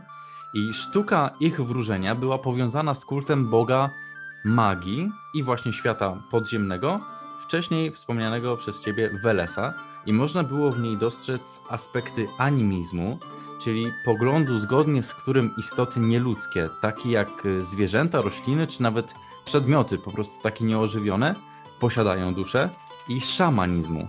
A czym jest szamanizm? Bo o szamanach słyszymy, czy z gier, czy z jakichś bajek, czy właśnie z filmów, ale czym jest tak naprawdę ten szamanizm? A jest to nic innego jak zespół praktyk i wierzeń opierających swe, pojmowane sto, y, swe pojmowanie stosunku świata namacalnego, tego w którym żyjemy, do świata duchowego. No i rolą takich szamanów były podróże w zaświaty dla dobra swojej wspólnoty albo dla poszczególnych jej członków. Czyli oni mieli takie przypustki i podróżowali między światem tym, y, w którym żyjemy, do, tych, do tego świata umarłych. Co ty o tym sądzisz? Słyszałeś o szamanach na pewno nie, ale zastanawia mnie to, czy właśnie potrafił, potrafiłbyś wytłumaczyć, czym tak naprawdę są y, szamani, no bo ja dopóki nie zacząłem czytać o tej kulturze Słowian, no to nie wiedziałem w 100% czym oni, Wiesz, kim oni szaman, są. Wiesz, no szaman na pewno nam się kojarzy z kimś ubranym w jakąś szatę i po prostu ktoś, kto czaruje. Tylko takich No. osób w naszym świecie no, słowiańskim było wiele właśnie wspomniany guślarz czy, czy właśnie ci szamani y, i, i ciężko jest do, jednoznacznie teraz stwierdzić, kto czym się zajmował. Na pewno ważną cechą wszystkich było to, że pomagali łączyć się ze światem zmarłych, bo to dla dla obecnych, dla, po- właśnie dla Słowian, e, mieszkańców tych terenów, było chyba najważniejsze, żeby, żeby dusze zmarłych miały no, ciszę, spokój i, i dostatek, a żeby ci na ziemi też nie musieli się przejmować jakimś ubóstwem i, i tego typu rzeczami, jakimiś klęskami. Myślę, że trochę teraz też tak jest. W sensie mam wrażenie, że osoby starsze zwłaszcza wierzą, że kiedy pójdą do kościoła i się pomodlą albo pogadają sobie z księdzem, no to robi im się lepiej. W sensie, no ja zauważyłem coś takiego. Ja nie mówię, że tylko starsze osoby, ale myślę, że jest to po prostu większy odsetek osób tak myślących. W sensie ja nie mówię, że jest tym coś złego, tylko po prostu no taką, taką prawidłowość sobie zauważyłem, że jeśli, wiesz, spotkanie z duchowym napawa, mm, napawa ich taką mm, takim spokojem i pewnego rodzaju optymizmem i, i wiesz, i takim zabezpieczeniem, no nie? No to bardzo ciekawe, ale tu mi się nasunęła myśl, kiedy powiedziałeś o właśnie tym chodzeniu do kościoła i rozmowie z księdzem i że to głównie mm, u starszych osób widać i tak sobie porównuję to, bo wiesz, mamy obraz młodzieży, w ogóle młodych ludzi, u których no wiara niestety, znaczy niestety, no nie chcę oceniać, ale po prostu kuleje. Wiesz, no nie ma teraz tak popularnej albo nie wiem, mody, tak brzydko to nazwę, na wiarę, na chodzenie do kościoła, na przyznawanie się do tego, że ktoś wierzy albo że ktoś się modli.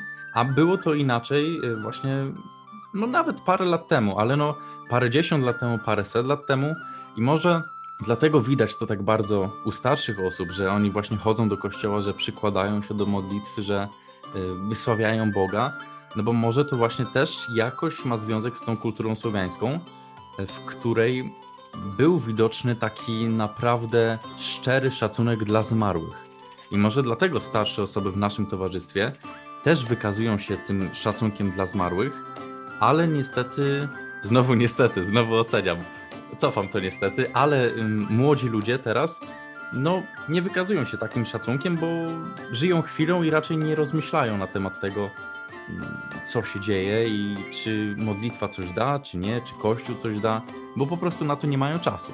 Taka myśl mnie naszła. Może też to ma jakiś związek z kulturą słowiańską. Wiesz, można powiedzieć tak wiele pytań, tak mało odpowiedzi. Tak jest. Ale to serio ciekawe, bo już na wstępie o tym powiedzieliśmy i dlaczego, dlaczego my tak mało o tym wiemy? Przecież no wydaje mi się, że jest to naprawdę ciekawe, przynajmniej w jakimś tam stopniu. Mówię, że jakieś ultra super szczegóły, ale na przykład wiedzieć, że, mm, że my mieliśmy swoich czarodziejów, mieliśmy swoje demony, mieliśmy swoich bogów Więc y, nie rozumiem, dlaczego od najmłodszych lat nie mamy wpajane tego, co nam jest bliższe, tylko na przykład y, uczymy się, kim był Zeus, Hera i tak dalej, Hermes i, i inni, inni. A nie wiemy tego, co leży tak naprawdę u nas przed nosem. Można powiedzieć, że cudze chwalimy, a swego nie znamy. Co jest dla mnie trochę przykre, bo ja na przykład z tym światem zderzyłem się dopiero, zderzyłem, no to, to złe określenie, spotkałem się, zaprzyjaźniłem można nawet powiedzieć, e, dopiero kiedy spotkałem książki Andrzeja Sapkowskiego, czyli Wiedźmina.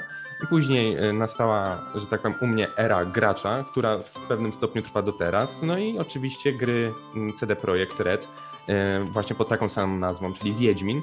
Później był e, serial, film i serial z Michałem Żebrowskim. No, dwa lata temu mm, serial Netflixa z Henrym Cavillem, także Wiedźmin. I bardzo fajnie nam to wszystko pokazywało, bo co ciekawe, Andrzej Sapkowski w swoich książkach idealnie oddaje klimat tamtych czasów, to po pierwsze, a po drugie, on nie stwarza nowego świata. To, że tam wydaje nam się, że to jest jakaś ultra fantastyka, to tylko dlatego, że takie były wierzenia wtedy w Polsce. I to nie jest coś takiego, że jak Adam Mickiewicz pisze o, o więźniach w jakichś kołchozach czy w jakichś swoich celach i nagle, że ktoś mu się ujawnia w celi albo gada do ściany i zamienia się z Konrada w kogoś tam, to nieważne, nie chcę się pogrążać, bo niestety nie, nie lubię się z panem Mickiewiczem, niestety, za co moja polonistka zawsze mnie karciła, ale chodzi mi o to, że możemy poznać tak wiele z naszej historii i z naszego, no z naszej bogatych doświadczeń, a myślę, że Polacy jakoś tak chyba jednak są w tym ograniczeni. Sensie no nie mają jakoś tak dostępu do tej wiedzy, w sensie, żeby ktoś im tak podrzucił to. No tak, tak, tak. No, Wiedźmin był jak najbardziej pretekstem do tego, żeby poruszyć taką tematykę. No bo nie dosyć, że świat przedstawiony no jest naprawdę magiczny i taki bardzo, bardzo klimatyczny, bardzo przyjemny. Można się naprawdę zatracić w tym świecie, E, ale no to nie jest taka fikcja, no bo tak jak powiedziałeś, tak rzeczywiście było w Polsce. Tutaj muszę wstawić się jako obrońca Adama Mickiewicza, nielubianego przez ciebie. Tutaj uzupełnić, że to była metamorfoza Gustawa, który umarł i narodził się Konrad. Ale no właśnie nawet w takich... Tak, ale wiesz co, wiesz co mi chodzi? Fajnie, no, metamorfozy i jakieś metafory i w ogóle wszystko, wszystko fajnie, tylko mnie zawsze irytowało to, cały ten marazm życiowy Mickiewicza, w sensie taki prywatny, który przelewał też y, w swoich książkach. Wiem, że czasy były jakie były i było ciężko i pisał ku pokrzepieniu serc, ale jak teraz nas z tym zatruwają i zamęczają, wiem, że to jest dziedzictwo narodowe i wszyscy powinni czytać i znać Mickiewicza. I okej, wszyscy czytali, albo nie wiem, no niektórzy pewnie też czytali streszczenia, albo nawet tego nie czytali. Tylko po co nam to wpajać, że to jest bardzo ważne? Jak nie jest tak naprawdę, bo gdyby to było dla nas takie ważne, to byśmy tego nie zapominali, a szczerze, patrząc po naszych rówieśnikach, w sensie z szkół tam, nie wiem, średnich, czy z gimnazjum, czy nawet z podstawówki, no stary, no przyznaj, że każdy przed jakąś klasówką, czy, czy jakimś egzaminem mówił, o, dzisiaj Mickiewicz, nie umiesz coś tego? No ja nie słyszałem nigdy czegoś, o cholera, dzisiaj będziemy czytać, omawiać dziady, ale super, ale fajnie, ta, ta, ta, ta, ta, ta, ta. No, no nie. A na przykład jak y, rozmawiałem z osobami, które czytały Wiedźmina, albo grały, albo oglądały serial, to naprawdę tam się wdawaliśmy w takie czasami dyskusje, że potrafiliśmy przegadać po kilka godzin, bo to zaczęło ludzi interesować, bo było to przedstawione w przystępny sposób. A Mickiewicz, no okej, no przedstawiał różne takie um, magiczne, nazwijmy to rzeczy, ale wiązał to z tym naszym takim narodowym użalaniem się nad sobą i Mhm. tak naprawdę więcej tam było płaczu nad sobą niż tej fantastyki, więc dlatego to mi się nie podoba. No tak, no, no raczej, raczej depresyjna lektura. Muszę to przyznać, że raczej to, to nie, nie jest wesołe. Ale tak abstrahując, jakbyś miał wybrać jeden z obozów, odwieczny konflikt Mickiewicz versus Słowacki, to jakbyś wybrał? O Jezu. Myślę, że mógłbyś tutaj zacytować Wiedźmina jeśli masz Zaraz. wybierać pomiędzy jednym złem a drugim, to właściwie woli- wybieraj. Zło to zło strego Boże. Mniejsze, większe, średnie. Wszystko jedno. Tak jest. Gdybym miał wybierać między jednym złem a drugim, to wolę nie wybierać wcale. No i tym świetnym akcentem z Wiedźmina myślę, że posłuchamy sobie troszkę muzyki, która też doprawi po prostu klimat tej naszej opowieści i wracamy z nowymi ciekawostkami już za chwilę.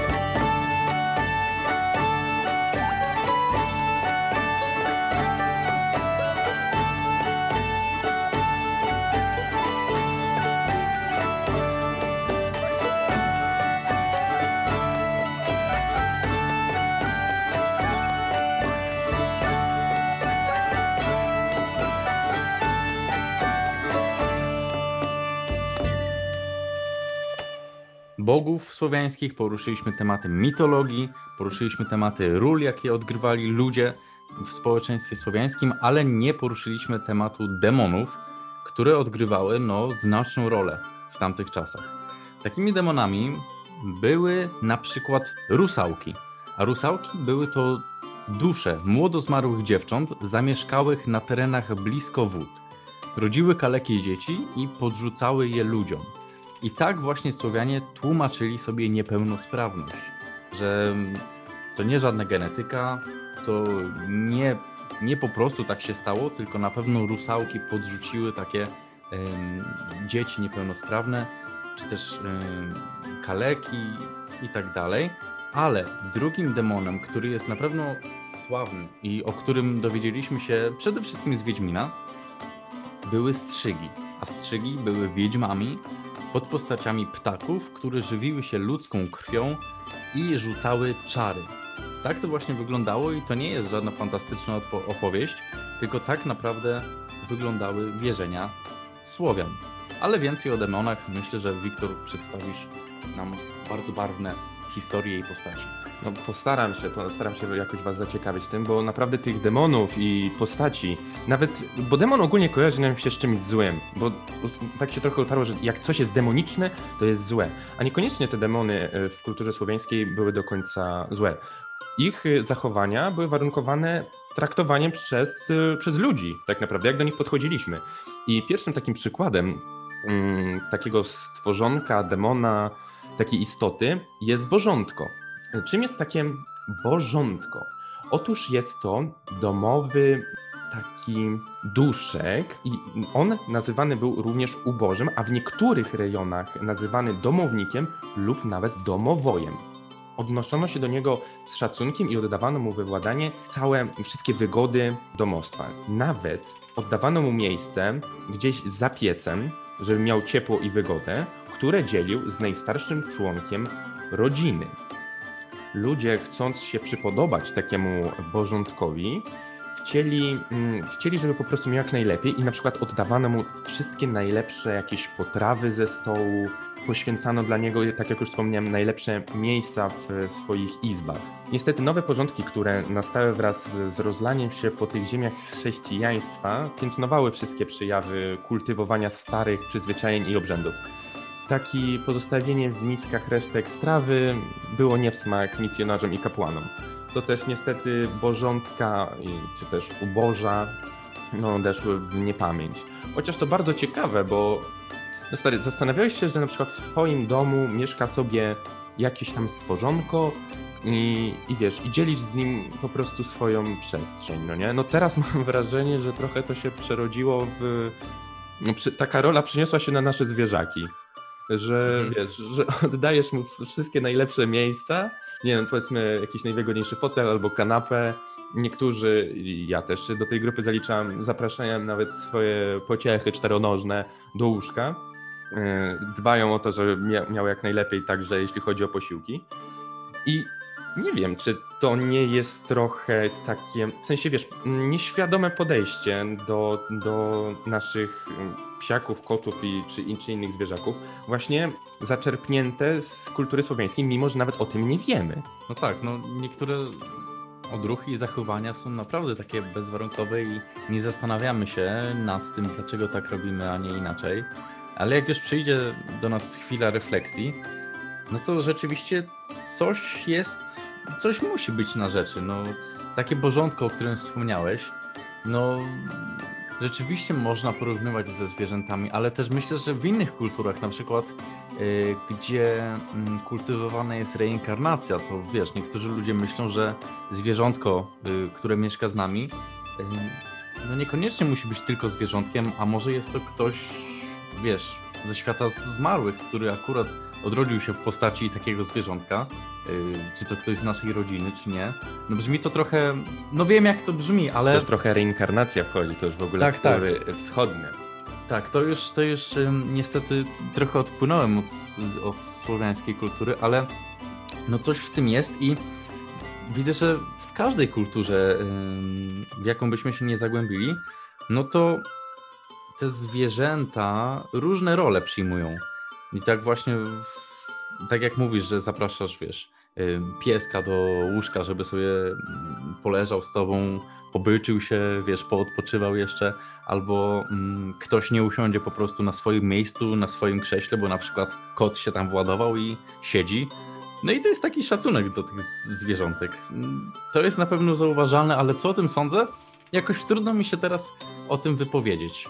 Bo jest, szczerze mówiąc, to jest chyba temat na naprawdę na cały podcast przemyśleń chyba i rozmów. No, Ale rzeczywiście coś takiego jest. I właśnie, jeśli już kończąc temat tego bożątka, to jak my traktowaliśmy to bożątko, tak ono traktowało też nas, bo to, wiesz, jeśli miało dobrze u nas, jeśli było wszystko cacy, no to nie było nic złego w tym, żeby sobie u nas mieszkał i bożątko czuło się u nas dobrze. Ale jeśli chcieliśmy je przegonić albo nie byliśmy dla niego wystarczająco życzliwi, no to potrafił płatać różne figle. Potrafił na przykład sprawić, że zapadaliśmy w długi sen i mie- śniliśmy różne koszmary.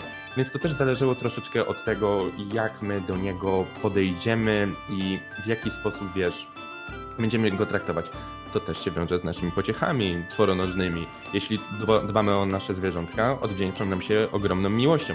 A jeżeli będziemy je olewać, no to myślę, że jednak troszeczkę się od siebie oddalimy. No ale dobra, Tak. dosyć o porządku. No, no, mów. Chciałbym jeszcze coś dodać. Chciałbym coś dodać, bo Dodaj, naprawdę proszę, śmiało, wal. super myśl trafiła do mnie. Ruszaj. Powiedziałeś o tym, o tym y, traktowaniu zwierząt, czy traktowaniu bożątka. Powiem ci, że ludzie przywiązywali do tego uwagę, jak traktują bożątko, czy jak traktują zwierzęta. I jeśli będą po prostu dobrzy dla nich i będą dbali o te zwierzętka i mm, zwierzątka i po prostu zaprzyjaźnią się z nimi, z nimi, no to te zwierzątka odwdzięczą się tym samym, a jeżeli będą źli, no to niestety też tym samym się odwdzięczy ta druga istota. I powiem ci, super by było, gdyby ludzie tak podchodzili do innych ludzi, jak podchodzili do zwierzątek czy do bożątek. No, świat byłby zupełnie innym, lepszym miejscem. No i to jest w myśl zasady, że ta karma wraca i rzeczywiście jeśli zrobisz coś dobrze, to to dobro na pewno do ciebie wróci, ale warto mieć na uwadze to, że jeśli będziemy źli, no to to zło też niestety się na nas odbije. I taką myśl chciałem po prostu dodać, bo nie wytrzymałem. Zachwycasz się tymi przysłowiami, naprawdę. No, Wyjątkowe. Cudowny. jak Odbijaj piłeczkę, powiem, nie, nie czyń drugiemu, co tobie niemiłe. Ale dobra, Mm. dosyć tych przysłów jak na razie, bo tego podcastu w końcu nie skończymy. Yy, I lećmy po prostu dalej i przejdziemy teraz do mniej przyjemnej mm, postaci, jaką był Poroniec. Poroniec był, no, nie fajnym demonem, ponieważ była to poczwara, która nawiedzała ciężarne kobiety. Ale może zanim w ogóle o tym, jak on funkcjonował, to skąd on się wziął i jak powstawał poroniec. Otóż e, jego narodziny związane były z poronieniem. Niedonoszona ciąża lub e, spędzony płód dziecka ludzkiego miał stać się wcielonym demonem. Wierzono, że jego dusza, ulot, ulatująca z nierozwiniętego w pełni ciała, skazana jest na wieczną tułaczkę po ziemi i szkodzenie ludziom. Kobietom e, w, w czasach właśnie wierzeń w te demony zakazywano wielu różnych e, czynności, ponieważ no, tak wierzono, że mógł im zaszkodzić na każdym etapie ciąży i połogu.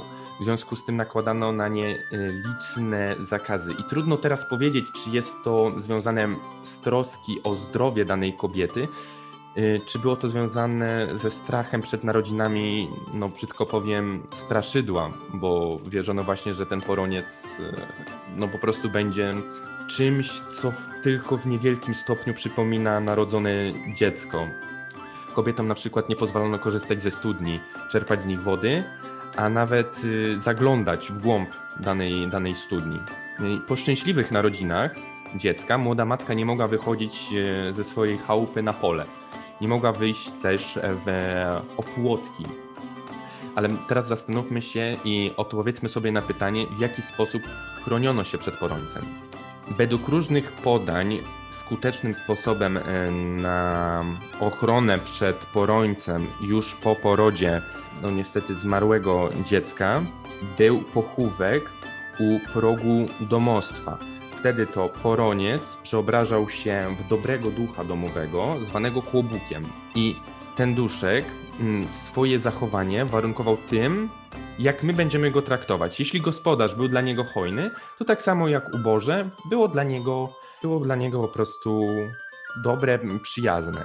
Tylko tutaj jest taka e, odróżnienie, że Bożątko był jakby żywą, namacalną postacią, a Kłobuk był po prostu duchem, był zjawą, która towarzyszyła domownikom. Ale wtedy już po prze, przeobrażeniu był już no, raczej zazwyczaj był dobrym duchem, no bo można się zastanowić, jeśli dochodzi do takiej nieszczęśliwej sytuacji, kiedy y, jakimś, y, jakimś tutaj państwom z, z tamtych czasów średniowiecznych narodziło się niestety martwe dziecko, no to raczej oczywistym jest to, że traktowano je mm, no, z należytym szacunkiem i miało po prostu dobrobyt zapewniony w danym gospodarstwie, ponieważ no, był to duch zmarłego y, dziecka.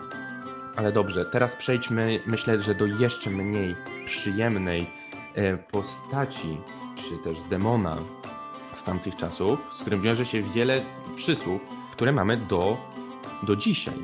A jaki to demon? Jest to demon biedy. W mitologii słowiańskiej bieda to nieśmiertelny demon, który sprowadza na ludzi liczne nieszczęścia. Demon ten przybierał postać kobiety ubranej w oparte szaty.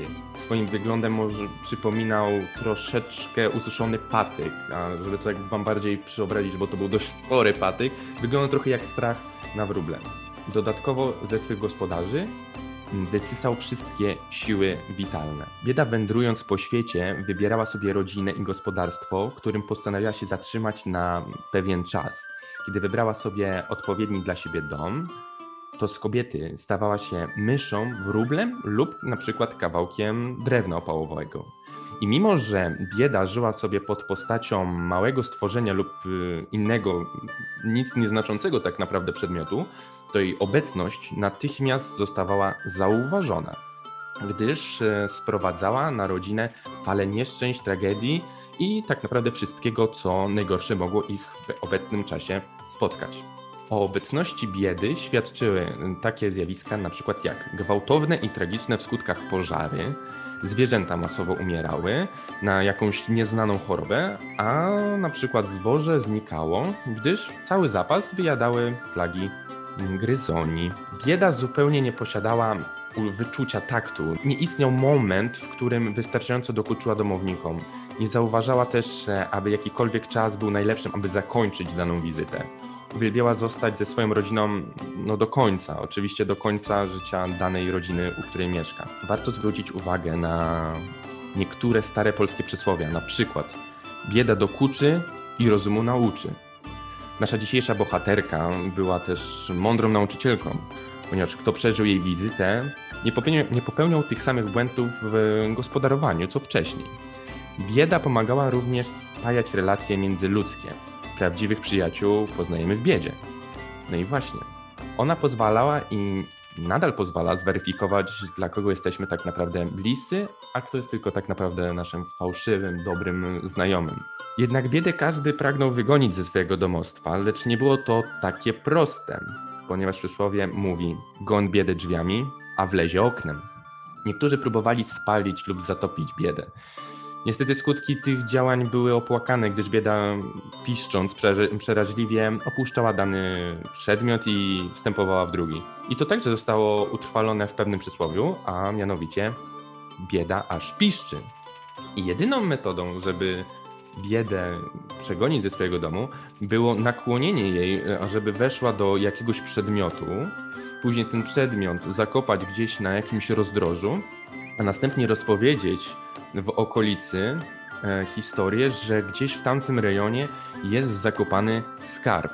I wtedy, co bardziej chciwi ludzie, w poszukiwaniu tego skarbu przemierzali rejony, no, tam gdzie zostało zako- zakopany przedmiot z biedą. No i po odnalezieniu wszyscy szczęśliwi otwierali dany przedmiot, czy na przykład to był jakiś słój, czy skrzynia, myśląc, że jest tam e, właśnie dobrobyt, jakieś złoto, czy, czy inne jakieś bogactwa. Niestety jedyne co znajdowali, no to demona biedy, który zaga- zagaszał w kolejnych, kolejnych to gospodarstwach.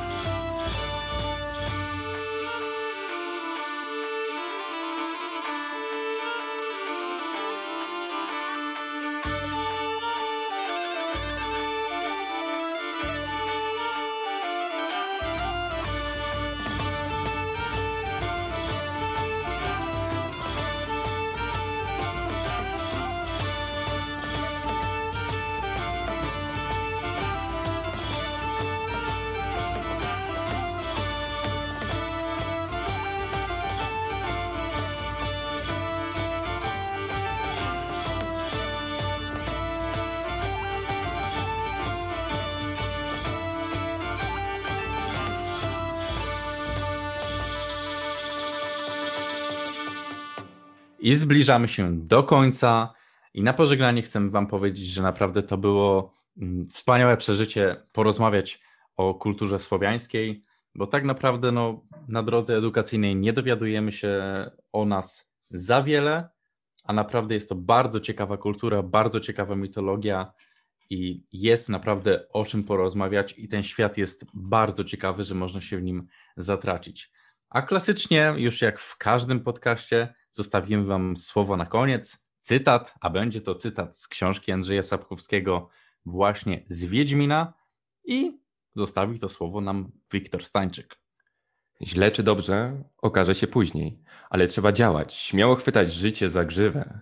Wierz mi, malutka, żałuję się wyłącznie bezczynności, niezdecydowania, wahania. Czynów i decyzji, choć niekiedy przynoszą smutek i żal, nie żałuję się. I z tym Was zostawiamy. Życzymy Wam szczęścia, pomyślności i wszystkiego najlepszego. No i klasycznie już ze swoich pokoi żegnają się z Państwem Damian Zagórski. I Wiktor Stańczyk. Do usłyszenia.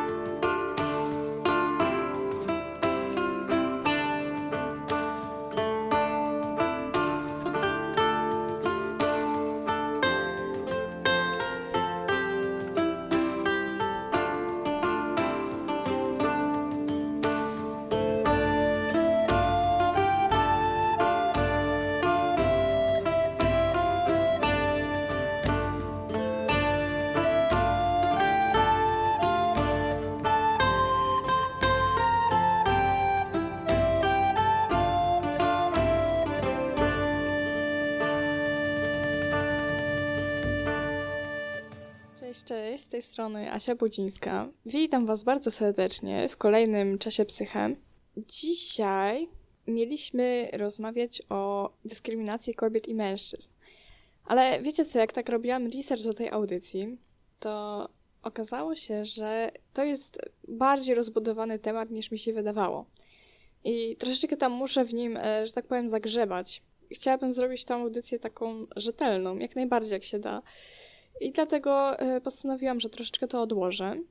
A dzisiaj przychodzę do Was z takim e, troszeczkę innym tematem. E, Zupełnie z innej beczki. Ogólnie tak, jeżeli chodzi o psychologię, to interesuję się różnymi typami zaburzeń psychicznych, tak. I ostatnio trafiłam na taki film na Netflixie. Obejrzałam go całego. On się nazywa To the Bone. Nie wiem, czy kojarzycie. Słyszałam, że niektóre osoby go kojarzą. To jest film z 2017 roku i on ukazuje historię 20-letniej dziewczyny, która. No właśnie. e, Tytuł filmu w tłumaczeniu na polski brzmi aż do kości. Czyli mm, możemy się spodziewać, że będziemy rozmawiać o osobie szczupłej. Tak jak już się pewnie domyślacie, będziemy dzisiaj rozmawiać o zaburzeniach odżywiania. Powiem Wam dzisiaj, co to takiego jest, jakie są rodzaje zaburzeń odżywiania. Po prostu y, wytłumaczę, jak sobie z tym radzić jak przede wszystkim wykrywać te choroby. Zaburzenia odżywiania to są zaburzenia psychiczne. Należy o tym pamiętać, że to nie jest y, głównie sprawa biologiczna. Czyli to nie jest tak, że ktoś na przykład nie je, bo y, ma jakieś problemy ze zdrowiem y, fizycznym, albo też cię przejada, bo na przykład kocha jedzenie i tak dalej. Wszystkie choroby, które nazywamy zaburzeniami odżywiania, mają podłoże w ludzkiej psychice. Przyczyny ich występowania są bardzo, ale to bardzo złożone. Zacznijmy może od takich e, stereotypów na temat zaburzeń odżywiania. E, Zanim jeszcze przejdę do konkretnych chorób, to tak e, powiemy ogólnie. Co na przykład słyszy osoba, która nie je? Osoby z jej otoczenia często używają takich sformułowań typu no zacznij w końcu jeść, no ale czemu nie jesz? No zobacz jaka już jesteś szczupła. Oglądałam na YouTubie wywiad e, z panią psychoterapeutką Dorotą Kozak i ona tam tłumaczyła zjawisko zaburzeń odżywiania, że takie teksty po prostu nie działają. Mało tego, są one strasznie krzywdzące dla osoby, która je słyszy, ponieważ należy pamiętać, że osoba z zaburzeniami odżywiania jest osobą chorą. I to nie jest takie proste, żeby ona nagle zaczęła jeść, przestała jeść i tak. I pani Dorota Kozak y, wspomina też o tym, y, jak osoby z zaburzeniami odżywiania traktują jedzenie. I tutaj takim fajnym sformułowaniem jest, y, ona powiedziała, że takie osoby traktują jedzenie jak osobę, jak człowieka, którym trzeba się zająć, z którym można jakoś pracować, coś y, z jego pomocą zdziałać. Czyli takim głównym podłożem y, tych problemów z odżywianiem jest właśnie takie patologiczne spojrzenie na, na jedzenie jako, jako na czynność wykonywaną. No bo człowiek, który jest zdrowy, traktuje jedzenie jako coś fizjologicznego, tak? Że my musimy zjeść, żeby żyć, żeby mieć energię, żeby nie zemdleć i tak dalej. I na co dzień tak się nie myśli o tym. Nie myślimy o tym na coś. Na przykład mamy na coś ochotę, nie wiem, w pracy, w szkole, że o, jak przyjdziemy do domu, to sobie zjemy tam pyszny obiad, nie? Ale nie jest to takie obsesyjne myślenie na ten temat. Nie myślimy o tym, ile co ma kalorii, y, że jak zjem to, to będę gruba i tak dalej. Raczej tak nie mamy, prawda? A właśnie osoby, które doświadczają różnych problemów y, z jedzeniem, traktują tą czynność jak, jako coś ważnego, jako coś takiego, że y, ma duży wpływ na ich życie. I właśnie tak mówi się, że takim początkiem zaburzeń odżywiania jest y, przechodzenie na dietę. Ale nie na dietę zbilansowaną, tylko właśnie taką obsesyjną dietę, która w końcu przeradza się w jakieś niepożądane działania. I tak oto płynnie przechodzę do pierwszego y, zaburzenia odżywiania, które jest najbardziej popularne. Tak najczęściej się o nim słyszy po prostu. Mm, W różnych mediach, y, w różnych y, publikacjach. Na szczęście bardzo dużo się mówi na ten temat. Chodzi mi oczywiście o anoreksję, która jest też nazywana jadłowstrętem psychicznym. Dosyć, może niekoniecznie ładna nazwa, ale właśnie tak. I polega ona mm, w dużej mierze na właśnie obsesji na punkcie jedzenia i przede wszystkim obsesji na punkcie odchudzania. Takie konkretne przyczyny tej choroby nie są y, jeszcze zbadane, ale podejrzewa się, że mają głównie one swoją, swój początek y, w problemach z psychiką. Przede wszystkim jako taki czynnik wzmożonego ryzyka y, deklaruje się zaniżoną samoocenę osoby chorej, która ma takie poczucie, że jest nie do końca wystarczająca, że mogłaby coś sobie zmienić, coś sobie polepszyć. I właśnie z takim przeświadczeniem e, tą chorobę rozpoczyna. Oczywiście swój wpływ mają też e, różne traumy, e, wyśmiewanie przez rówieśników, e, wpływ takiego kanonu piękna, który w XXI wieku obowiązuje. Jesteśmy z zewnątrz bombardowani takimi przepisami cu- cud miód, jak tutaj żyć, jak tutaj wyglądać najlepiej, żeby było fajnie. I stąd właśnie biorą się takie początki właśnie takich zaburzeń. Na przykład y, często słuchając wywiadów z jakimiś dziewczynami, które chorowały na anoreksję, bo tu też trzeba powiedzieć, że częściej zdecydowanie chorują kobiety, mm, szczególnie młode, tak przed 40 rokiem życia. Szacuje się, że tak y, około 4,3% y, kobiet w Europie, a mężczyzn tylko 0,3, także różnica jest diametralna, co nie znaczy, że mężczyźni nie chorują na anoreksję, bo to jest oczywiście nieprawda. No i tak w skali roku, powiedzmy, ponad 2 miliony osób choruje na anoreksję. No i wracając, wiele dziewczyn właśnie słyszy często, szczególnie w okresie dojrzewania, że takie komentarze typu mogłabyś schudnąć, coś ci się przytyło, a tamta to jest szczuplejsza niż ty, a jak będziesz gruba, to nie znajdziesz chłopaka i tak dalej. I dziewczyny, y, zdarza się, że słuchają takich tekstów, prawda? Y, no i jedna dziewczyna machnie na to ręką i powie, że mnie to nie dotyczy, mnie to nie obchodzi. Albo przejdzie na jakąś zdrową, zbilansowaną dietę i prowadzi aktywność fizyczną i tak dalej. A jeszcze inna dziewczyna może troszeczkę patologicznie do tego podejść, byśmy to nazwali. I właśnie tak to się wszystko zaczyna. Zaczyna się od tego, że osoba przestaje jeść. To znaczy przestaje, y, ogranicza jedzenie, zdecydowanie ogranicza. Je tylko tyle, ile tak naprawdę potrzebuje do przeżycia. Często osoba y, unika wspólnych posiłków z rodziną. Jakoś y, próbuje chować gdzieś jedzenie. Udaje, że zjadła, a tak naprawdę nie zjadła. Ponadto, oprócz tego, ma fałszywe przekonanie na swój temat. Wydaje się, że cały czas jest za gruba.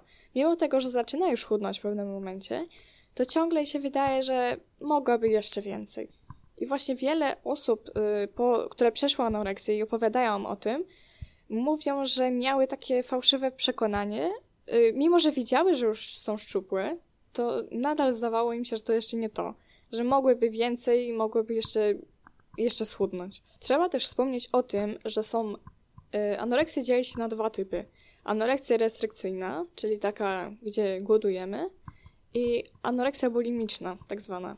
Nie mylić z bulimią. W anoreksji restrykcyjnej po prostu nie jemy, tak?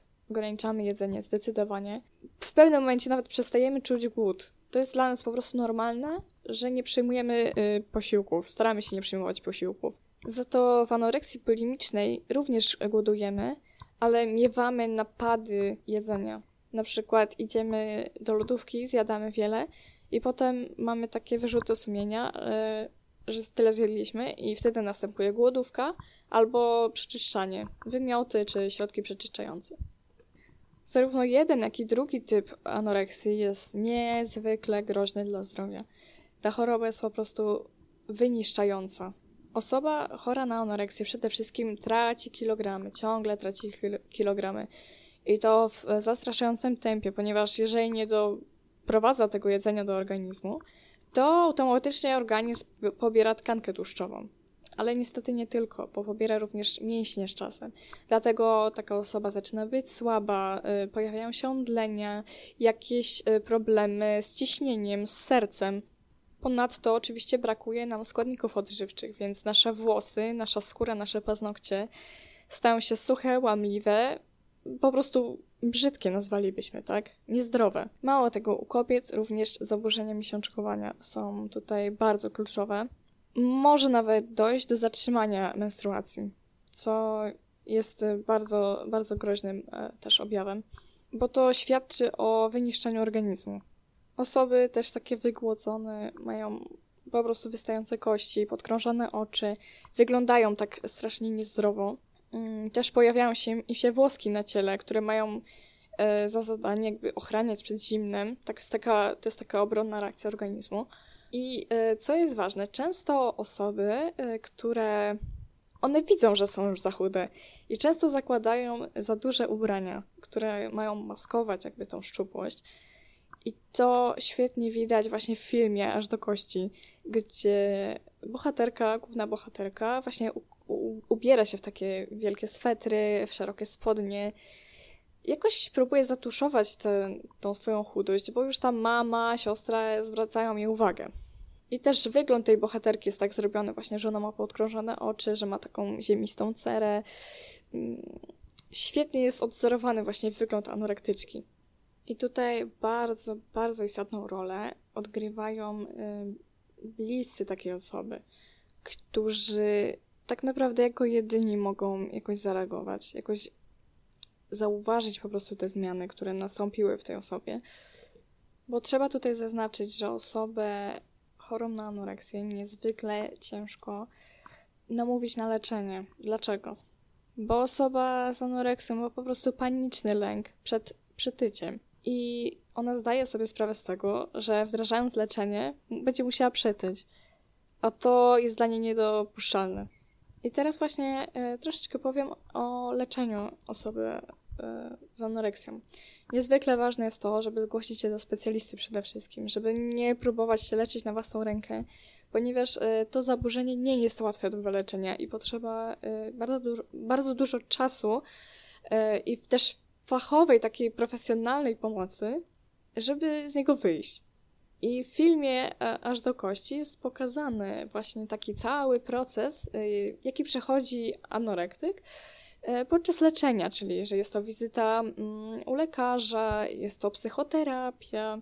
Mm, Nawet dziewczyna trafia do takiego ośrodka, który zajmuje się tym, żeby jakoś wyleczyć to zaburzenie.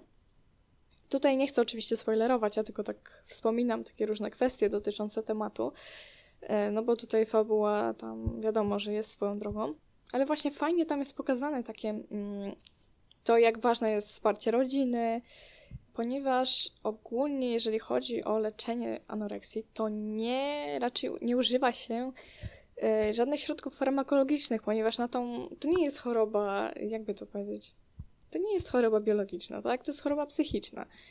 Czyli na nią głównie e, stosuje się, jeśli już, to antydepresanty, ponieważ często z anoreksją występuje też depresja, wiadomo. Żeby po prostu lepiej się poczuć, tak podnieść się na duchu, dostaje się tabletki, ale kluczową tutaj, kluczową metodą jest e, psychoterapia.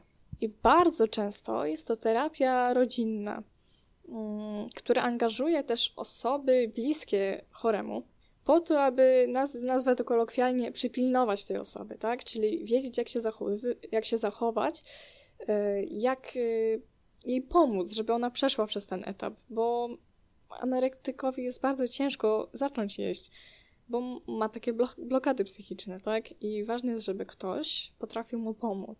Dlatego nie ignorujmy takich przesłanek, że nam się na przykład wydaje, że ktoś mocno schudł, że wygląda tak niemrawo, że jest słaby i tak dalej. Nie ignorujmy tego, po prostu e, przypatrzmy się sytuacji, bo może być problem tak z tą osobą, a ona sama sobie raczej z tym nie poradzi. Co ważne, też częściej e, osoby z bulimią szukają same pomocy, bo one jak bardziej zdają sobie sprawę z tego, że mają problem. A osoby z anoreksją e, raczej nie. Raczej wydaje mi się, że tak ma właśnie być i żeby i chcą jeszcze bardziej schudnąć.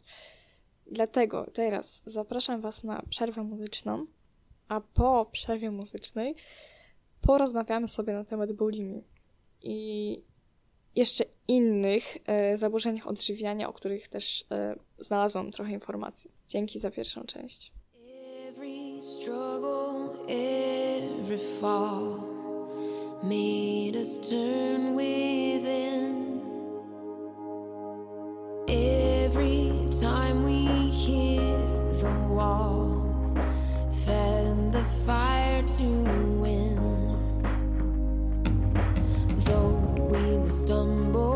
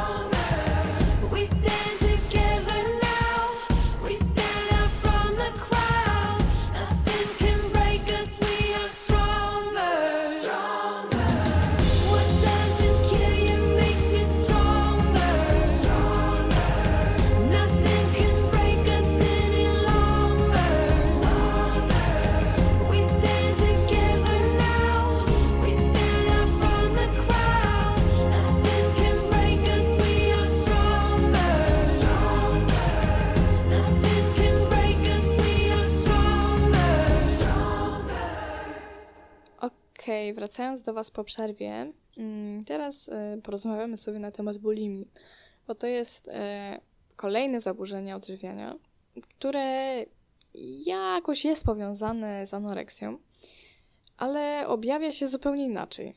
Często zdarzają się takie przypadki, że z anoreksji przechodzi się w bulimię, że jest to taki y, taka okres przejściowy, tak? Ale główną różnicą między anoreksją a bulimią jest masa ciała chorego. Ponieważ anorektyk, jak wiemy, jak już wiemy, strasznie chudnie, tak? Y, W szybkim tempie po prostu zostaje, no nazwalibyśmy to szkielet. No nie oszukujmy się, tak właśnie to wygląda i nie jest to absolutnie zdrowe. Trzeba na to uważać. Ale jeżeli chodzi o bulimika, y, to on y, zazwyczaj ma prawidłową masę ciała. Ewentualnie tam troszkę chudnie, troszkę tyje, ale nie jest to tak rażące, tak? Główną taką specyfi- specyfiką tej choroby jest napady objadania się. Takie kompulsyjne objadanie się. Na przykład osoba chora potrafi wyjeść mnóstwo jedzenia i po tym, jak już skończy ten, się ten epizod napad głodu, to ona odczuwa poczucie winy. Mniej więcej wszystkie zaburzenia odżywiania mają podłoże, takie samo podłoże psychiczne, czyli tutaj również jest kwestia niskiej samooceny, jakichś problemów w przeszłości, jakichś traum itd. Ale tutaj właśnie w bulimii kluczowe jest to poczucie winy, po którym e, następuje, po tym uczuciu następuje właśnie próba wydalenia tego jedzenia. I są y, dwa typy też bulimii. Jest bulimia przeczyszczająca i nieprzeczyszczająca. Bulimia przeczyszczająca to jest taka, w której y, po napadzie obżarstwa osoba stara się właśnie wydalić to jedzenie, czyli poprzez wymioty lub poprzez środki przeczyszczające, po prostu jak najszybciej stara się usunąć to jedzenie z organizmu żeby ono tam czasami nie zostało strawione, żeby kalorie nie, się nie dostarczyły i tak dalej, i tak. Bulimia nieprzeczyszczająca to jest e, taka, po której następuje głodówka, czyli osoba wprawdzie przyjęła ogromną ilość jedzenia, ale ona, żeby nazwijmy to w cudzysłowie zrekompensować sobie, e, to ona później nie będzie jadła i myśli, że to się wyrówna, tak? Jak już wspomniałam, osoby z bulimią często są bardziej świadome swojej choroby i częściej szukają pomocy, ale e, Faktem jest też, że trudno jest y, osobom z zewnątrz zauważyć bulimię, ponieważ tak jak już mówiłam, masa ciała się nie do końca zmienia, tak? Pozostaje raczej w stabilnym stanie. Problemem jest to, że głównie takie, jeżeli chodzi o objawy, dolegliwości, to głównie odczuwa osoba chora, czyli właśnie jakieś problemy z żołądkiem, y, z przełykiem, jeżeli na przykład dużo wymiotuje, jakieś takie mm, apatia, zmęczenie. Głównie czuje to osoba, która jest chora. A osoby z zewnątrz mogą zobaczyć wprawdzie, że jest taka osłabiona, że ma jakieś tam, nie wiem, jakieś tam objawy niedoborów różnych, ale jest to o wiele, o wiele trudniejsze do zlokalizowania. I właśnie głównie najczęściej e, tak osoby postronne odkrywają e, po prostu, że ta osoba wykonuje takie czynności, że właśnie objada się i później usuwa to jedzenie, tak? Albo się głodzi. To jest takie coś, e, co alarmuje innych ludzi, jeżeli powiedzmy przyłapią tą osobę na tym. Jeśli chodzi o leczenie bulimii, to wyczytałam, że mm, skuteczny jest taki środek jak fluoksatyna, e, że on podobno sprawia, że napady głodu są mniejsze. Ale tutaj też, jeżeli chodzi o farmakoterapię, jest ona dosyć ograniczona i głównym e, składnikiem leczenia jest psychoterapia, zdecydowanie. E, wszystkie zaburzenia odżywiania, jako że mają podłoże psychiczne, świetnie e, dają się pokonać poprzez taką pracę nad sobą. Przede wszystkim należy sobie uświadomić, że jest się chorym. Mm, Jeżeli chodzi o zaburzenia odżywiania, jest to trudne, ponieważ osoby chore mają takie złudne postrzeganie samego siebie i bardzo ciężko jest ich wyleczyć, ponieważ oni ciągle nie dają sobie wmówić, że powinni y, po prostu tego nie robić. Nie wiem, jak to powiedzieć. Chyba rozumiecie, o co mi chodzi. E, Że na przykład anorektyczka bardzo boi się przytyć, e, naprawdę się boi przytyć.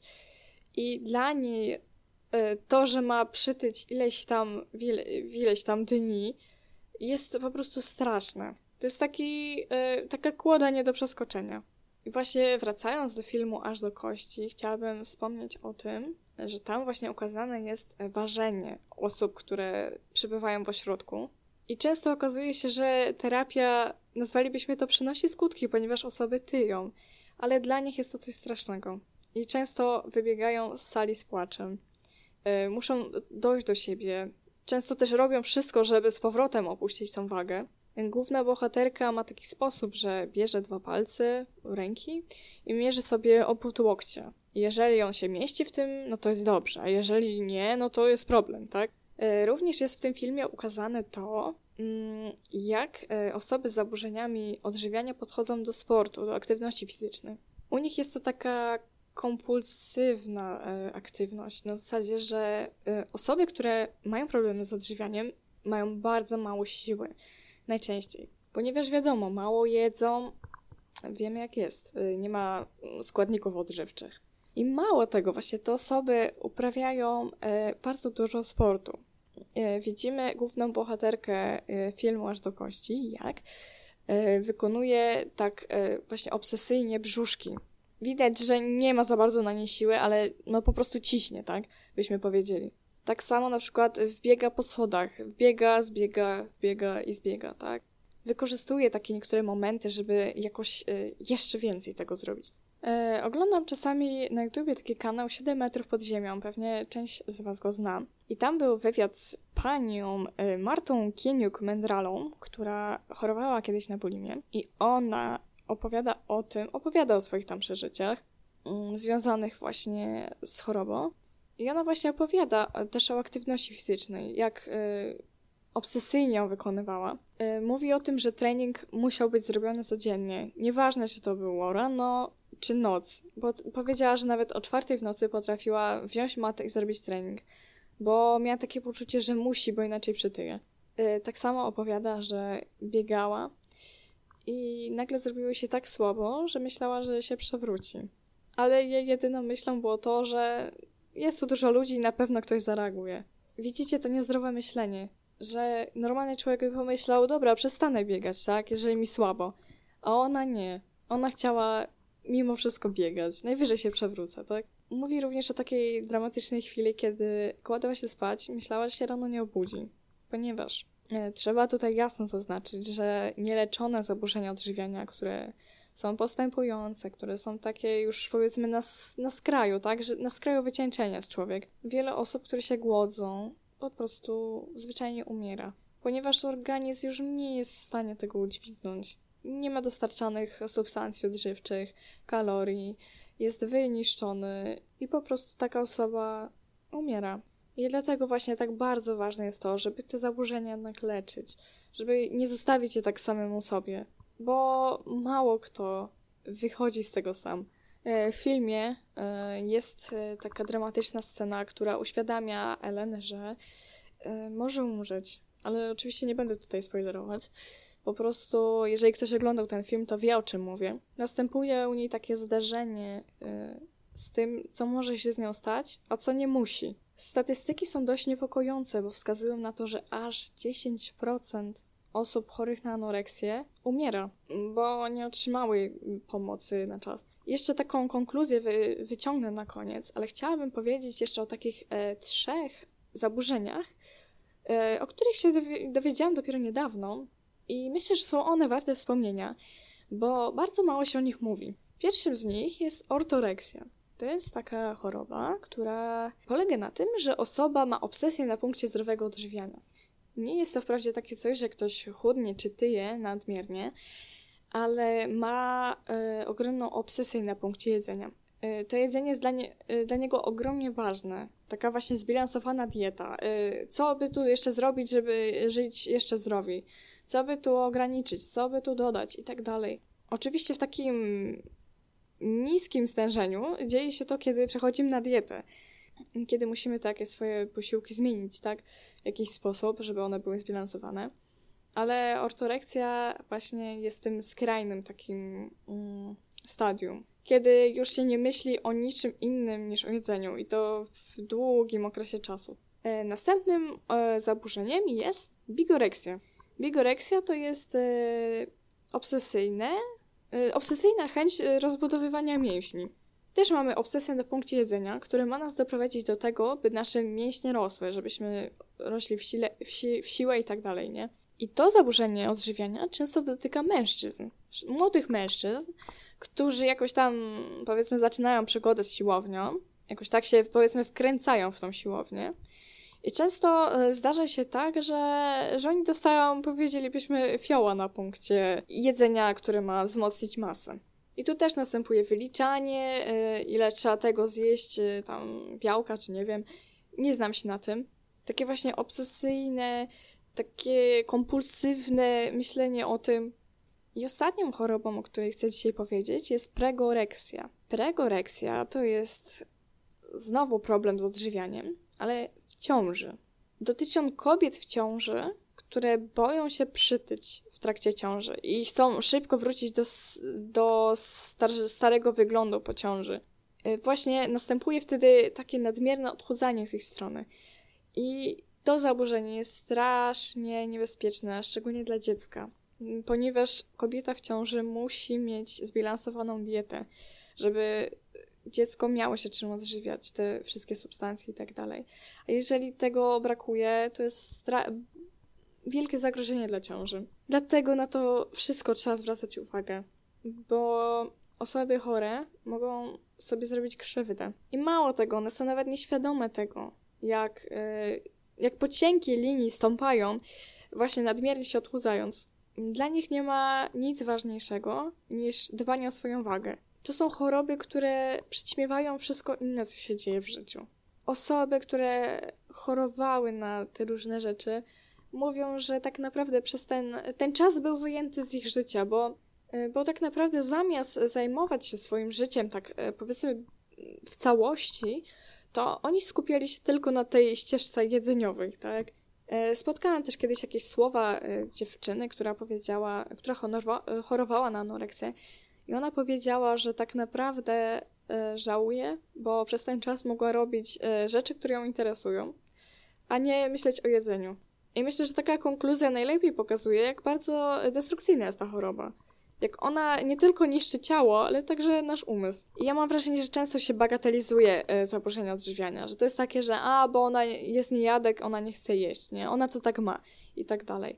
A jakby się tak właśnie wczytać, okazuje się, że e, okazuje się, że nie dość, że to jest popularna przyczyna śmierci tak naprawdę, to jeszcze zostawia nieodwracalne ślady na psychice. Mało tego, trzeba bardzo uważać, żeby zaburzenia nie nawracały. Bo to nie jest tak, że jak na przykład raz się ktoś wyleczy z anoreksji, to ma gwarancję, że do końca życia już nie zachoruje, no bo się przecież wyleczył z niej, tak? Nie, stale trzeba to pielęgnować, bo to wszystko może wrócić. Jeszcze raz. Y, Często wychodzenie z takich zaburzeń trwa latami, ponieważ y, nie dość, że trzeba zmienić nawyki żywieniowe, to przede wszystkim swoje myślenie. Bo takie wychodzenie z tego obsesyjnego myślenia o jedzeniu jest y, niezwykle trudne. Bo to nie jest tak, że o, teraz będę jeść. Mm, To tak nie działa. I mimo, że na przykład te osoby e, chcą się leczyć, chcą wyjść z tej choroby, to jednak te wszystkie myśli, te wszystkie odczucia zostają na, na dobre. I naprawdę ciężko się ich pozbyć i potrzeba dobrego psychoterapeuty, ale przede wszystkim wsparcia bliskich, bo tutaj oni e, grają najważniejsze skrzypce. Ale tak zresztą jest przy większości, wszystkich zaburzeniach psychicznych, że potrzebujemy wsparcia osób, które mają inne spojrzenie na to niż my, żeby potrzebujemy jakiegoś takiego drogowskazu. Bo osoby chore psychicznie mają zaburzone spojrzenie na świat. One nie widzą tego tak jak wszyscy. Dlatego już na koniec tej audycji taki apel, jeżeli waszej, e, na waszej uczelni, waszej pracy, waszej rodzinie zauważycie, że jakaś osoba tak podejrzanie chudnie, tak dziwnie wygląda, tak trochę coś, coś jest nie tak, albo jakieś y, takie jej działania, że właśnie, nie wiem, często zwraca pokarm, że nie chce jeść i tak dalej, i tak dalej, to błagam was, żebyście tak nie przychodzili obok tego obojętnie, żebyście tak trochę y, przystanęli, trochę się zainteresowali, y, może czy, czy wszystko okej, bo taka osoba potrzebuje pomocy, tylko że ona zazwyczaj ona mnie zawoła. Takie choroby, o których dzisiaj powiedziałam, występują bardzo często w społeczeństwie. I tym bardziej e, proszę Was o taką uwagę mm, skierowaną w tym kierunku. Chciałabym Wam jeszcze polecić taką piosenkę, którą ja bardzo lubię. I właśnie dotyczy ona e, anoreksji. Ona się nazywa Weightless. E, jest na YouTubie. I to jest piosenka o tym, że jakby anoreksja podaje się za dziewczynę o imieniu Anna e, i mówi, że jestem tu, by cię uratować.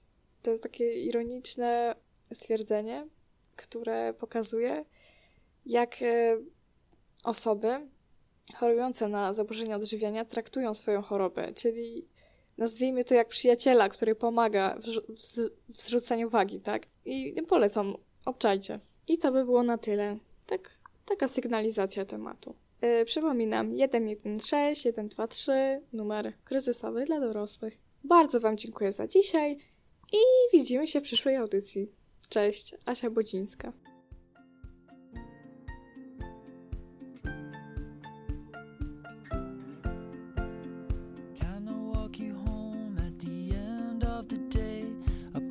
to